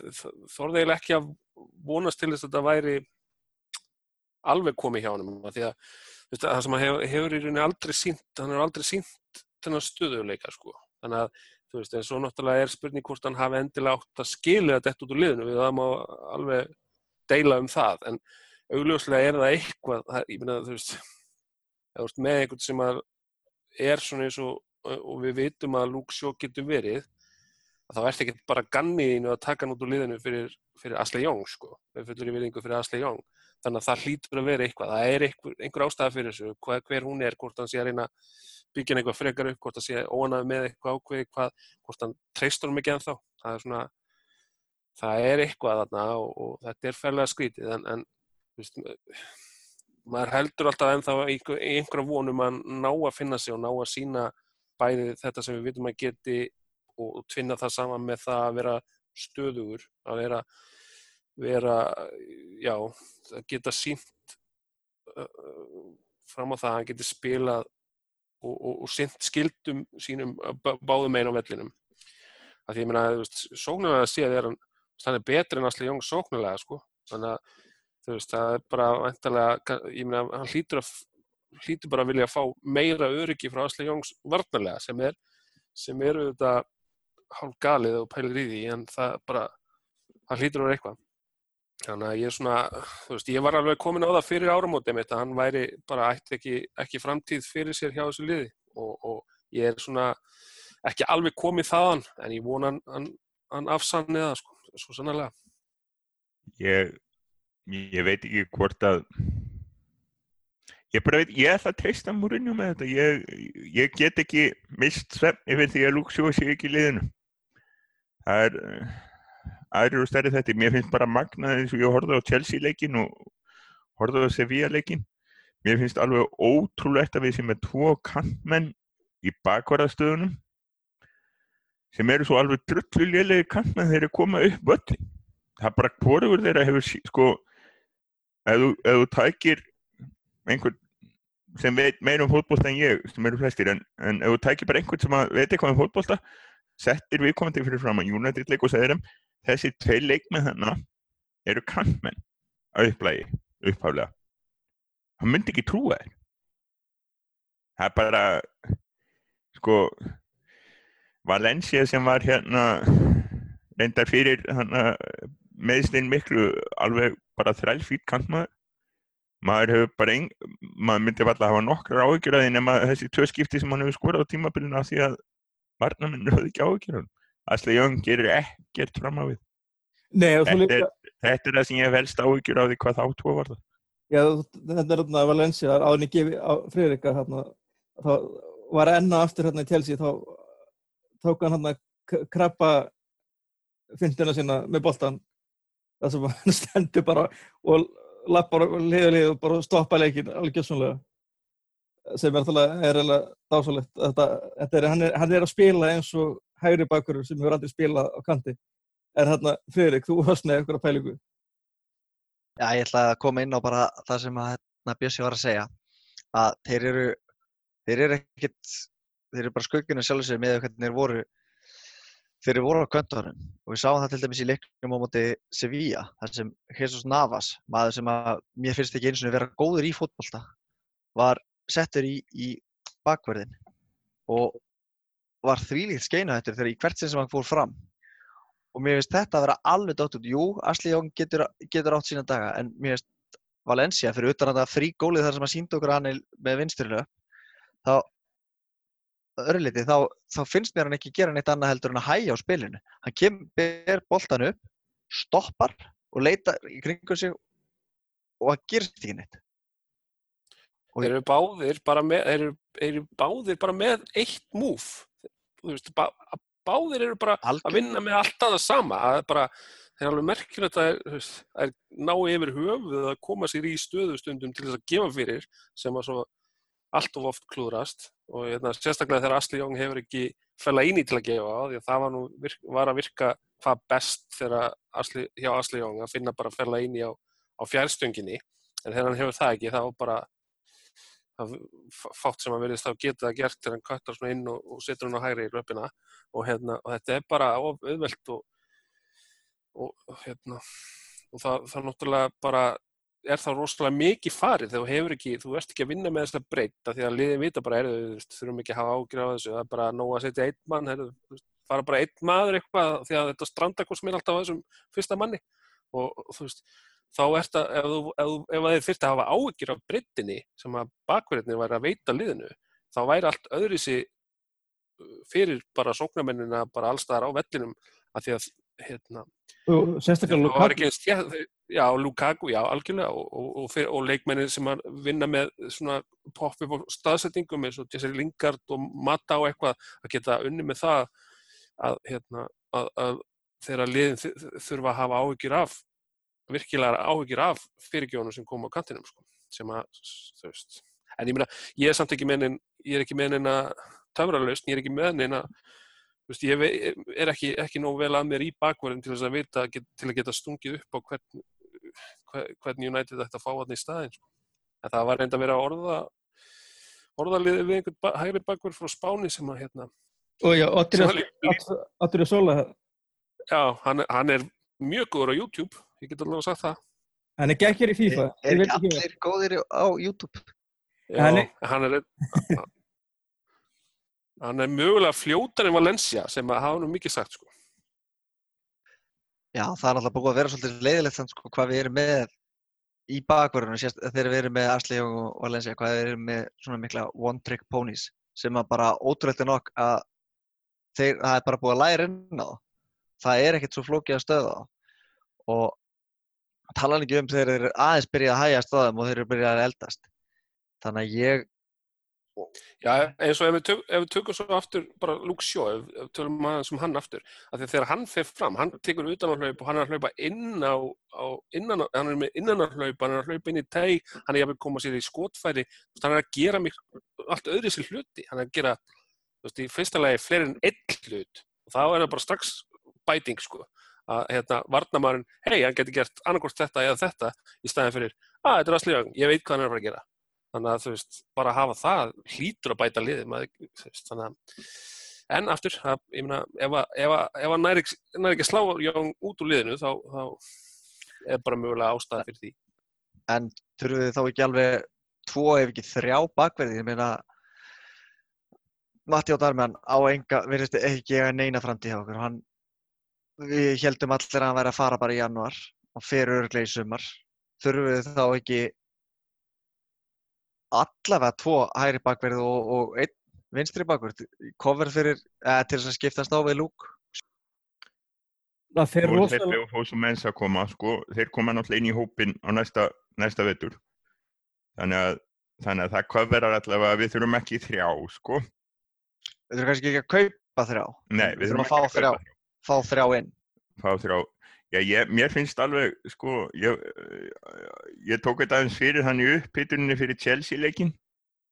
Þá bara var ég svolítið beittur og horfði á hópin eins og erum með hann á heimasíðunni hjá okkur. Þessi reyndar eru, þeir eru allir þrýr landsmenninu, þannig að Wilson, Húsum Mensa og Tóðan Sepe. Og ég bara hugsaði hverju verð ekki þannig næsta vetur og ég hent út áttamanns. Náttúrulega James Wilson verður alveg öruglega ekki með, uh, Carrick verður öruglega ekki með, uh, Ibrahimovic verður öruglega ekki með. Og uh, þá hérna svo hendi ég út, náttúrulega Darmiðan verður öruglega ekki með. Og, og síðan hendi ég út blind og Rokko og Smalling að auki svona bara því að mér leið þannig þegar ég var að gera þetta. Og með við það þá já, það var spurt upphaflega uppleggi var hverja viljið þið fá mér er einn alveg sama, ég treysti Mourinho til að kaupa leikmenn. Það er eitt af því sem ég treyst honum hvað best fyrir, búin að Markov segja það ég, ég treyst honum til að kaupa leikmenn sem að skilur góðu búi mér finnst bara að við þurfum að kaupa tvo miðmenn það er að veit alveg topp, topp miðjumann. Og við þurfum að kaupa Hassend helst, góðan. Ekki, ekki einhvern óreyndan eða eða hérna einhverja vonarstjörnu. Og við þurfum helst svo bakverði eða Hassend bakverð og bakverð það þarf að kaupa fimm leikmenn í sumar og mér er alveg slett saman það hvort að einhverjir hérna vinnum hans er að, að gaggrina United fyrir kaupa, kaupa, kaupa og Mourinho get ekki neitt og eitthvað. Það er bara þetta fólkbóltinn, við erum að kaupa leikmenn í hópin og, og, og hérna þó við fáum bæði Túan Seppi og Fúsum Mensa sem, sem trösta leikmenn þá er það bara samt hann að við erum að missa úr hóknum helviti marga og, og ég vil freka sjá sagt, blind og rokk og fara og, og síðan koma Túan Seppi og Fúsum Mensa inn og svo þurfum við samt leikmenn í staðin Mér finnst alltaf áhugaður umræðan um þegar verið að gaggrina United fyrir að kaupa leikmenn svo það sé eitthvað nýtt. Ekki gleyma því sko, menn með ekki gleyma því að margar sko margar ástsæðlega sem leikmenn með sjöu United voru keftir þú tala ekki um nema Brian Robson, Roy Keane Erik Cantona Patrice Evra Vítits, Ferdinand og þetta er allt Rúni. Og Rúni. Ég meina við eittum fullt af peningum. Ég ætla ekki að byrja að gleysa um það en fyrir 2005 þá, þá var United aldrei hrættu að kaupa leikmenn og við hefum ekki að vera hrætti við það En ég voru hrettur um þetta að, að þetta kaupa tvo leikmyndæmi sem Mourinho sagði, ég held að þetta hefur bara verið grín hjá hann, múna það allavega. Þú segi, ég held, ég held að kom, hvort, það var að tryggja að halda sem kom inn á það, þú talaði síðast að, að þetta væri nú líklega bara svona pólitíst sko til að, örn setl ekki eða svona móran í liðinu. Ég held að það verið svo, það er oft talað um sko í umræðinu sko þá var auðvitað sko hærumenn að kalla okkur vinstri sinnaða snowflakes. En ég held að það ég svolítið vel um marga hérna í sem hópa, blessa hópa okkar. Hérna að það er svona þú veist, menn eru viðkanni fyrir álægi og pressu og svona og, og mótlati það hefur sást hvað best hérna 5-3 tapir ekki glestrum árið og hefur lítið skánað. En hérna mér langar svona að taka aðeins fleiri spurningar svona fyrst að vera með þessu. Og hérna er einn spurning frá nú Sindra, þetta er af hérna, rauðadjöflunum.is hérna hér verið þar. Þetta er svona, við erum svona svolítið búin að segja þessu en hann er kannski hægt að hérna, nefna eitthvað, þú veist nánar hérna, það er hérna, tala um leiðiloftir nokkur mánu að fella íni sé að fara. Myndur rétt sér að vilja fá annan skallafins sem skvot player eða svo típa leikmenni óþörfi hóp og hvað miðjuminn var mest, já við erum svona búin að fara yfir að hvað miðjuminn viljum flest sjá að kipta inn. Að því gefna að fella inn í herrar og Karik verði ekki með okkur á þessu tímfili og ég veit ekki, ég hef svona litlar ágjör að herrera verði ekki í hóp en ég held hérna við tölum um Scott McTominay sem að að verðist bara að vera búin að vinna sér sæti í þessum hóp. Hann verður kannski ekki endilega næsta vetur sko, að spila þetta leiki en hann verður klálega fáleiki og svo eru leikmenn og Andrés Pereira það er spurning hver framtíð hans er hjá United. Við, þarna, ég held að flestur okkur vilja sjá hann við erum í hóp og taka það ákvörðan að vilja berja þessum sæti. Og hann hefur verið að spila vel á, þarna, á spáni með Valencia. Reyndar á vinstirkanti en Mourinho vill náttúrulega miði svo ég hérna hérna ég menna er, er ykkur miklu hefur ykkur við þetta bæta, hérna bæta Haldur, er þetta ekki bara nokkur meginn staðin í dag? Jó, það er, það er náttúrulega alltaf eitthvað í slúrunu, við sjá núna nýlega þá voru með, eru konum með sex leikmanna lista yfir miðjumenn sem að Mourinho á að vera búin að koma með sex leikmanna lista þar sem að það verður verða keiftir eða verða reynda að fá hvað ætla hann viljið þá ekki tvo af þessum sex, maður reiknar maður með og uh, þetta eru þokkalegustu nöfn sem að sem að hérna sem að væri, áhugavert að krifja. Það, að það er kannski spurning um það að við tökum bara almennilega góða umfjöldun um það uh, svona þegar nætt dregur glugga. En vissulega eru þetta mikið, ég veist bara að sjá þennan sexmannalista, þetta reyndar er viljan þarna sem að ég ná ekki alveg heima með þessum en það væri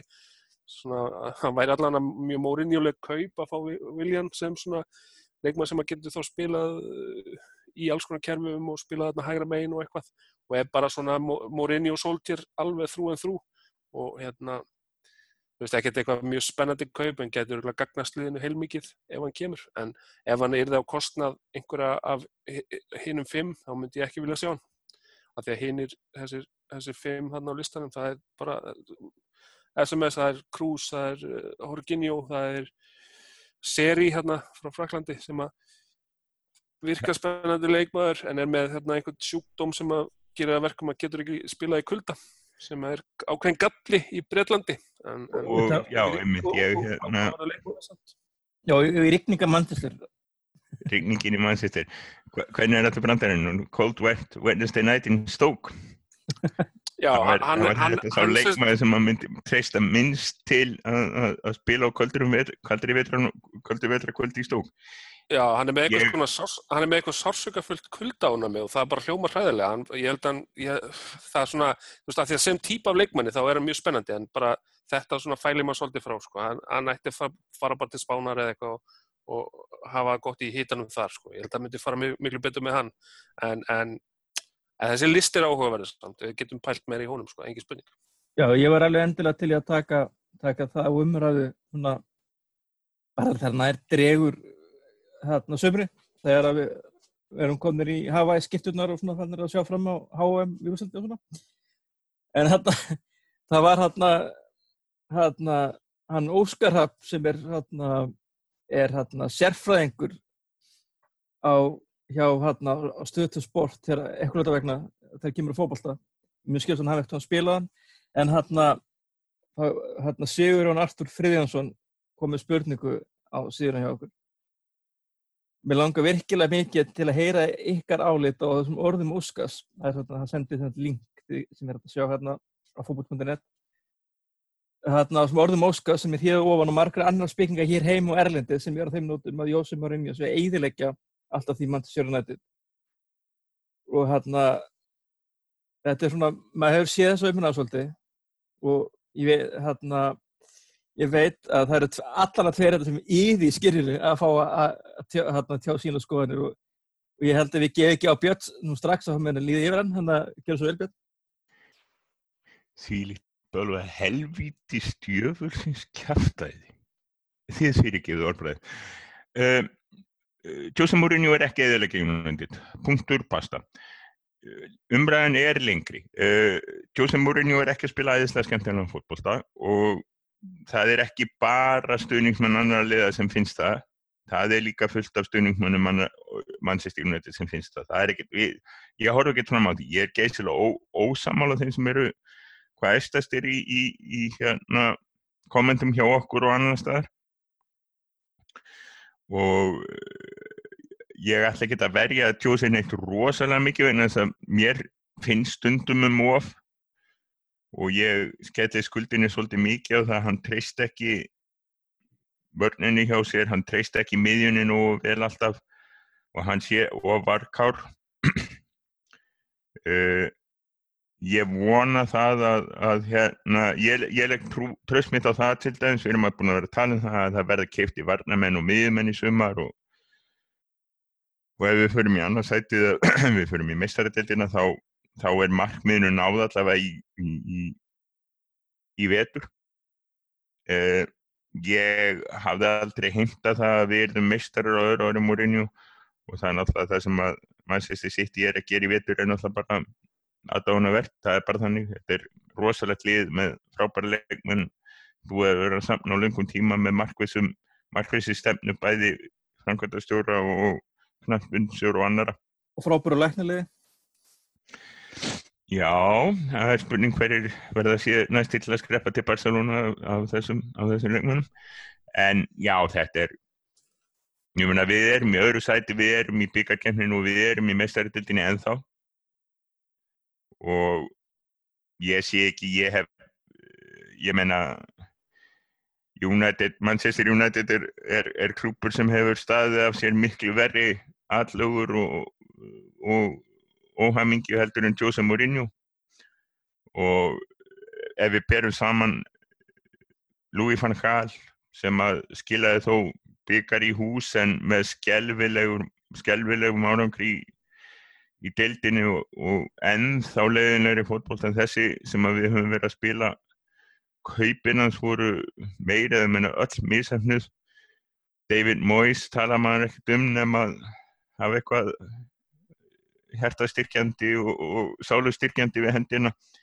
Þannig að, nei, það er ekki verið að eðlækja United. Það getur vel verið að þetta mun ekki ganga alveg nú vel þetta árið og ef það gengur ekki nú vel á næsta árið þá verður tjóðsum orðinu verið ekki millitíðinni. Hold on, hold on to your horses bara. Bara verum róleg verum róleg, býðum sjáum til. Það er búið að gefa hennu þennan þetta auka ára samningi þannig að hann ætti vonandi að vera aðeins minna stressaður yfir því. Svo eins og ég segi uh, ég skal alveg á eftir ár. Bara lofa ykkur því mánuðamotinn februar mars ef að United er ekki góður í stöðu í deild og meistaradeild og hvað var það að spila mennskum þá skulum við alveg höra að tala um það að reyka á tjóðsamumurinu ég, ég lofa ykkur því ég skal taka þá umræðu þá að miklu meira miklu grimmar. Fyrir, ég veit að þú vilt aðeins fá að rauna hérna og það er hérna að gefa þér orðið. Það er reynda gott að Björnsi fikk að fara, fikk að taka orðið á undan mér. Að hérna, ég uh, held ég betra að leiða honum bara að sjá um að blóta þessu og svona. En jú, vissulega, vissulega er, er Mourinho að eiðilegja liðið. Ég menna, Evrópadeildin á síðastu leiktíð og, og, og, og bara það að spila svona mikið af uppöldum sko unlíkum úr, úr akademíinni en veist allir þessi þú veist berginuna þessu tímabili var rosalega leiðilega sem annarkvæð leikur var náttúrulega 4-0 nei þetta er þú veist þetta er þetta er rosalega skamsýtt jújú við erum ekki búin að vera að spila eitthvað rosalega skemmtilegan bolta undanfæri en sko þetta þetta tímabil er í rauninni bara búið að vera var eiginlega í rauninni bara desember. Rauninni frá sitt í leiknum í desember fór einhvern veginn mistu við dampin og mistum einhvern veginn sjensin á því að vera í fyrsta seti og þá er einhvern veginn eins og öllum hafi, nei ekki öllum mörgum hafi fallist hendur og bara hugsa það, herru við erum ekki að spila nógu góðum bolta því við erum ekki eftir, við erum ekki að við erum ekki að spila bolta eins og United á að vera að spila og alltaf vera að bera saman við hvernig sko Sir, Sir Alex Ferguson spilaði á sínu tíma blúsandi sóknabolta og alltaf skemmtilegt. Alltaf fólk er, fólk gleymir svolítið því að við vorum ekki alveg það var ekkert blásið til sóknar í hverjum einasta leik og 0-0 jafntefla móti Sevilla í meistarallitinni úti á þessum erfiða velli það er náttúrulega bara frábæra úslit maður hefði tekið, auðvitað hefði maður kannski viljað eitt eitt í afturli en frábæra úslit til þess að fara með heim og þurfa að vinna með einu marki það er ekki tryggalegt en og, og það sem að ég man að marki voru óttuðust þegar Morinho var ráðinn það að hann myndi ekki gefa ungu leikmönunum séns og, og hann myndi ekki, þú veist, hann myndi sinnast hann ætti að til að sinnast við leikmenni eins og Juan Mata og hann myndi dett út af liðinu og þetta hefur bara komið á daginn er ekki rétt. United er sko við spilum svona unglingum og, og uppöldum leikmönum meira heldur en nokkurt annað lið í ennsku deildinni. Jújú, að ég er ég ætla ekki að skafa þetta nei, við hefum ekkert verið að spila glimrandi bólta en við erum í öðru seti við erum ennþá eins og við svo að segja við erum ennþá í mistratildinni við erum ennþá í, í FA byggarnum og útliti er ekkert rosalega svart sko. Það er alltaf hægt að finna eitthvað til þess að kvarta undan og, og, og sumir eru bara þannig og gerði gerðir að, það eru meðal óskar að þeim finnst morinni að vera eidilegja United. Ég er bara gjörsanlega ekki samálað því Óskar er náttúrulega búið mikið í þessu þetta sem sérfræðingur til að tala í fyrirsögnum og vera með svona sleggjur og svona og það getur alveg verið gaman að hafa þannig týpur í sjónvastætti þegar þú veist að reyna að búa til Eh, þú veist, að búa til sjónastátt og það sem að selur og hérna er vinsall og þá er fínt að hafa, þetta er svona eins og í körfubóltakvöldinu þannig að fannar skammar og eitthvað, þú veist að láta menn heyra það og Jújú, jú, alveg, þú veist, hann hefur ákveðna þekkingu sem hann grýpur í, þarna fannst mér að meira tala bara, þetta var bara frustrasjón að hafa þurft að horfa upp á þetta og bara, þú veist, auðvitað hann að hafa þurft að horfa á, á leiðarlegan fótbolltaleik, það vonandi kemur ekki fyrir aftur, en, en hver sem heldur því fram að Mourinho sé að skemma Manchester United, augljóslega þekkir ekki félagið Manchester United og sögu þess. Og, og hérna, þú veist, að félag sem að, þú veist, að tvisa sinnum nokkrum dögum frá því að vera gjaldróta var hérna, það var bara núna fyrr í vetur sem að met Manchester United yfir, yfir flesta tapleiki rauð var sleið, það að met sem er átti yfir flesta tapleiki í byrjun tímabils í efstu, þess að fimm sterkustu deildum Evrópu. Það var met sem að Manchester United átti, ekki skemmti það félagið, ekki skemmti félagið að fara þarna sérst, vera, vera sérst, einum leik, það var sigri í loka leik frá því að falla niður í þriðjudeldinu sinni. Uh, flugslýsið, það skemmt ekki félagið. Um, það falla, já, hérna, tímabili hvað, 73-4 þá var sérst, markaðasti, einna markaðasti leikmönnum liðsins um jólinn, það var markmaðinn með tvö mörg hann var einn af markaðistu leikmennum liðsins sem jólinn. Þeir fjallu þá. Það var, það var sex árum eftir að þeir unnu Európukjarnina. Þetta var þegar Busby hætti, það var mjög erfið tími. Það skemmt ekki félagið. Þannig að þetta er bara að kæfta. Það er mjög, mjög fyndið að sjá um þetta stuðnismenn annar lið að hafa rosalega mikla ráðgjör á því að Mourinho sé að skemma Manchester United og þeir hafa nú ekki alltaf verið sammála Ferguson en, en þeir gáttu nú allavega virt að hann spilaði skemmtilegir fókbólta og bla bla bla bla bla bla bla. Þannig að hérna bara takk fyrir samúðina en við þurfum ekki að, að hérna, við þurfum ekki ykkar ávegjur af framtíð Manchester United. Það er eina sem ég vil segja um þetta. Mér finnst að það er bara frábær lokur í nákvæmlega þessu umræðu en, hérna, en það er hérna vinur síðan að Robby Mikkelsen hérna, kom hérna með spurningu hérna, í morgun það var hérna síðan spurningi sem okkur bast að hérna á orðuðu döflum.is hérna það sem að spyrja hvort við höldum að De Gea fari og ef hann fari hvort að Sergio Romero verður markmann nummer 1 eða sjáu þið fyrir einhvern annar leysið þá stöðu. Og ef Diggi fer ekki hver þá framtir Rómér og þetta er alveg margætt spurning. Ég meina samkvæmt nýjustu nýjustu fréttu þá er Diggi bara við það skrifa undir nýja samning. Þannig við skulum svona gefa það að hann sé ekki fara við höldum að hann verð ekki seldur. En, en mér finnst áhugaverð spurning hérna ef að Diggi fer ekki hver er það framtir Rómér heldur hann vilji vera bara áfram sem byggar markmör hjá United eða? Heldur við munum fá að sjá kannski Joel Pereira eða eða Henderson, Dean Henderson eða, já, jafnveg Sam Johnstone, ég veit ekki hvernig hann hefur spilað með Aston Villa. En hérna, svo ég fari gangi bara hótt að lína. Hérna haldi að Romero verði áfram ef að TG fer ekki í sumar? Björn? Nei, ég held ekki. Annars, ég, maður er bara hálf að sko hann hafi verið áfram, það var nú talað um að hann myndi fara í janúar til að fá æfingu fyrir HM og við erum náttúrulega bara mjónað með það ef hann færi enga æfingu fyrir HM en nei, ég held að held að hljóta að fara að spila nokkra fara eitthvað sem að getur spilað. Hvað er náttúrulega gammal? Hann er nú 30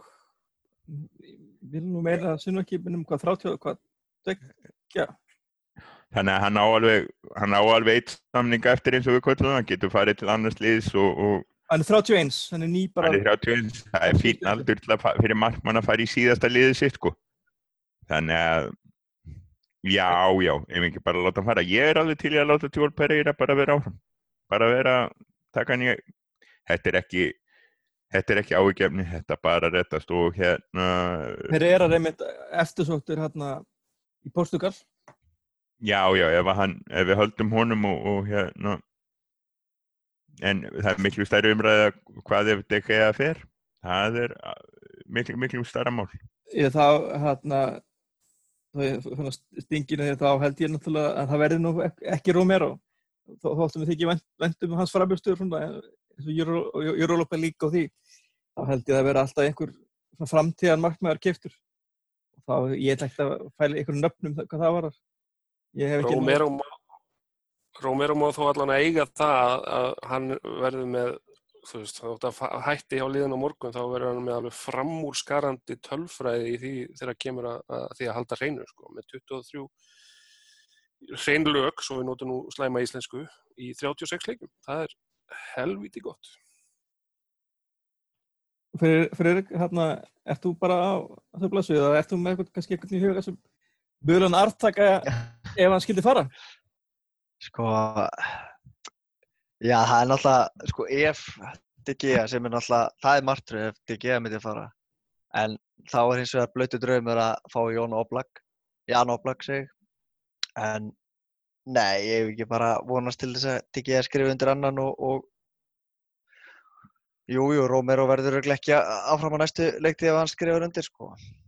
Gefi bara manninu launahækun maður. DG, hann hefur alveg sínt það hann á, á fyrir því. Er með hérna ef á það skildi- ævintýranlega reflex. Já,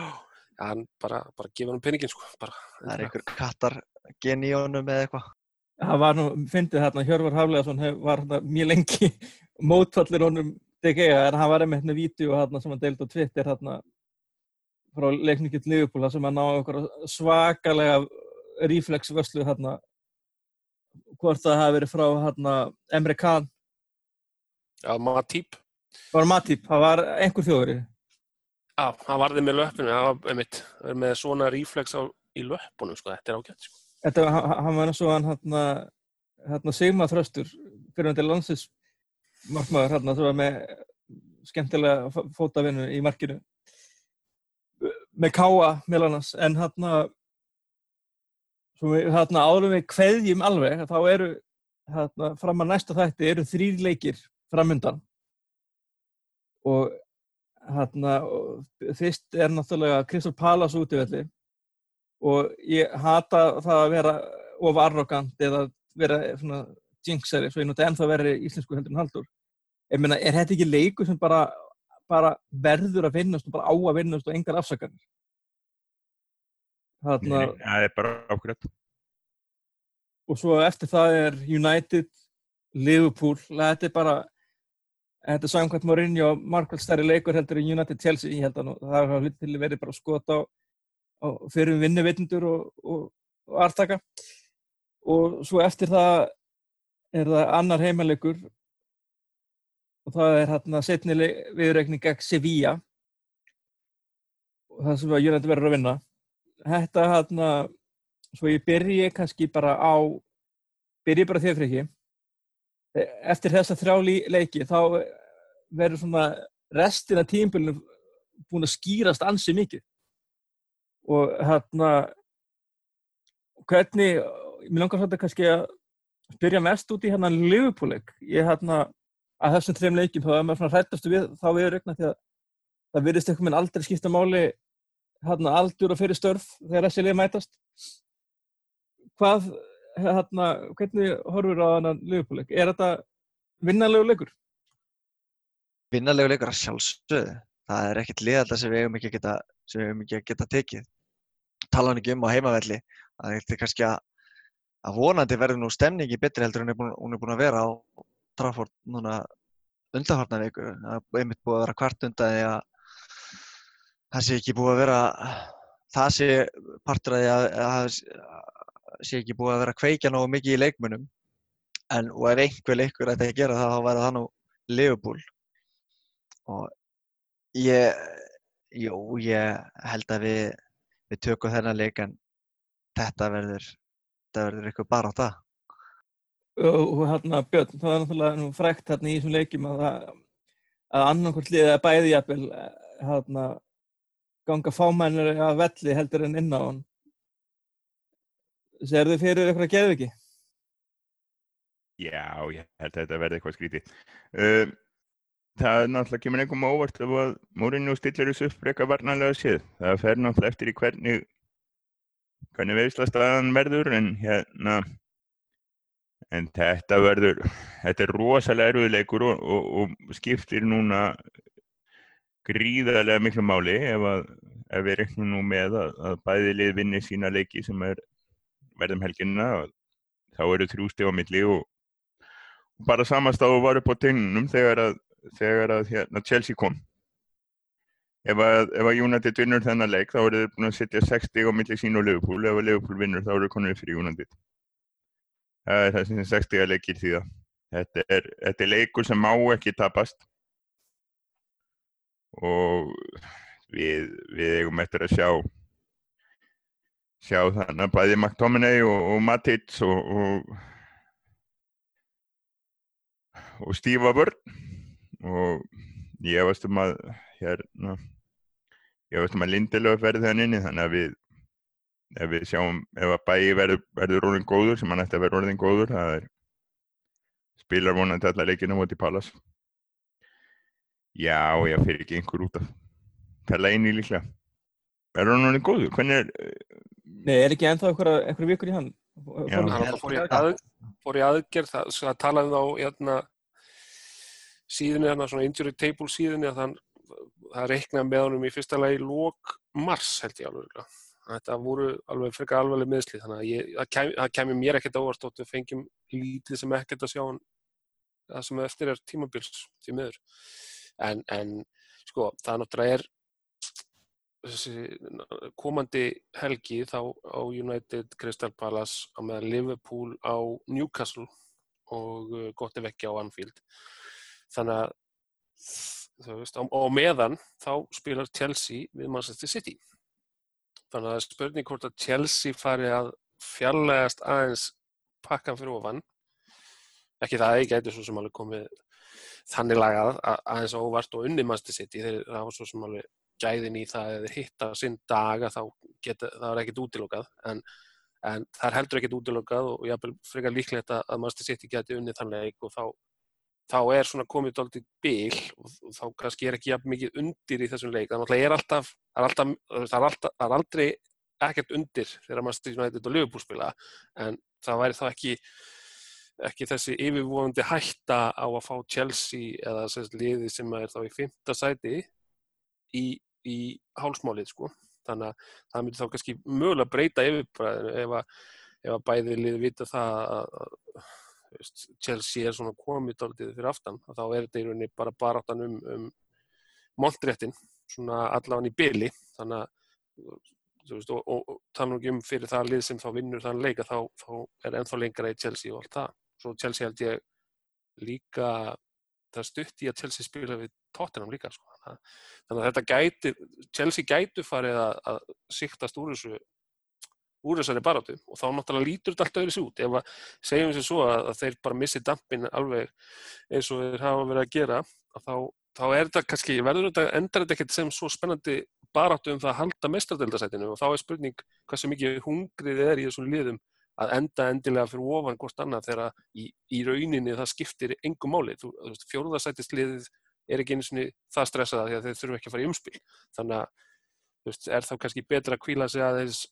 spara sig aðeins fyrir mestradildina eða eitthvað svoleiðis. Þannig að er hann að leikur til dæmis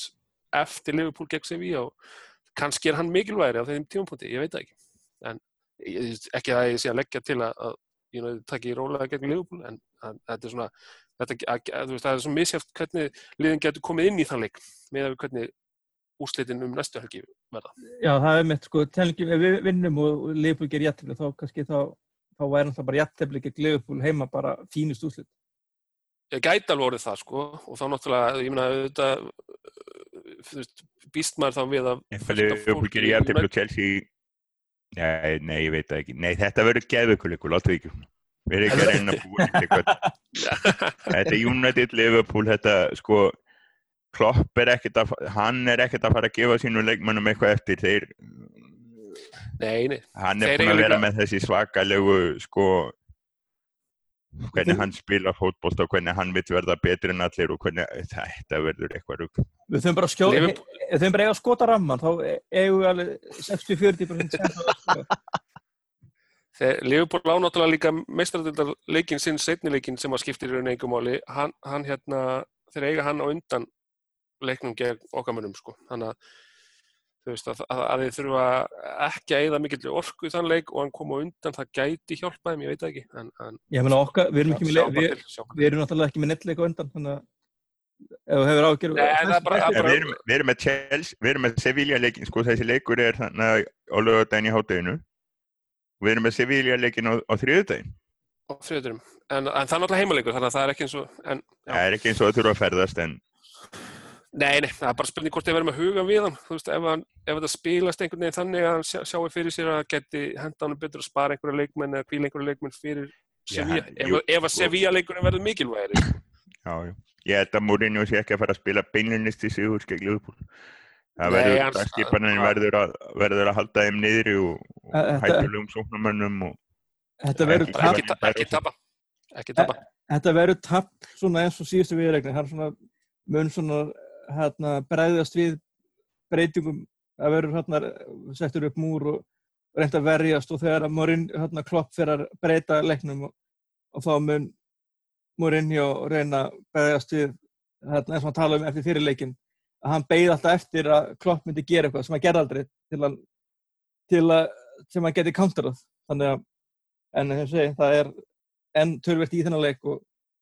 mikilvægans verður bara að fá komið ljós þegar nættriður en þarna, strákar, ég er bara að þakka ykkur kærlega fyrir að vera með þessum þætti. Og Freyrik í þínum öðrum þætti, bara stendur upp á þessum listari Takk fyrir mig. og Halldór sem, Já, sem hérna, óeinlegu talsmaður Sergei Milinkovic Savic og Marwan Fellini við hérna,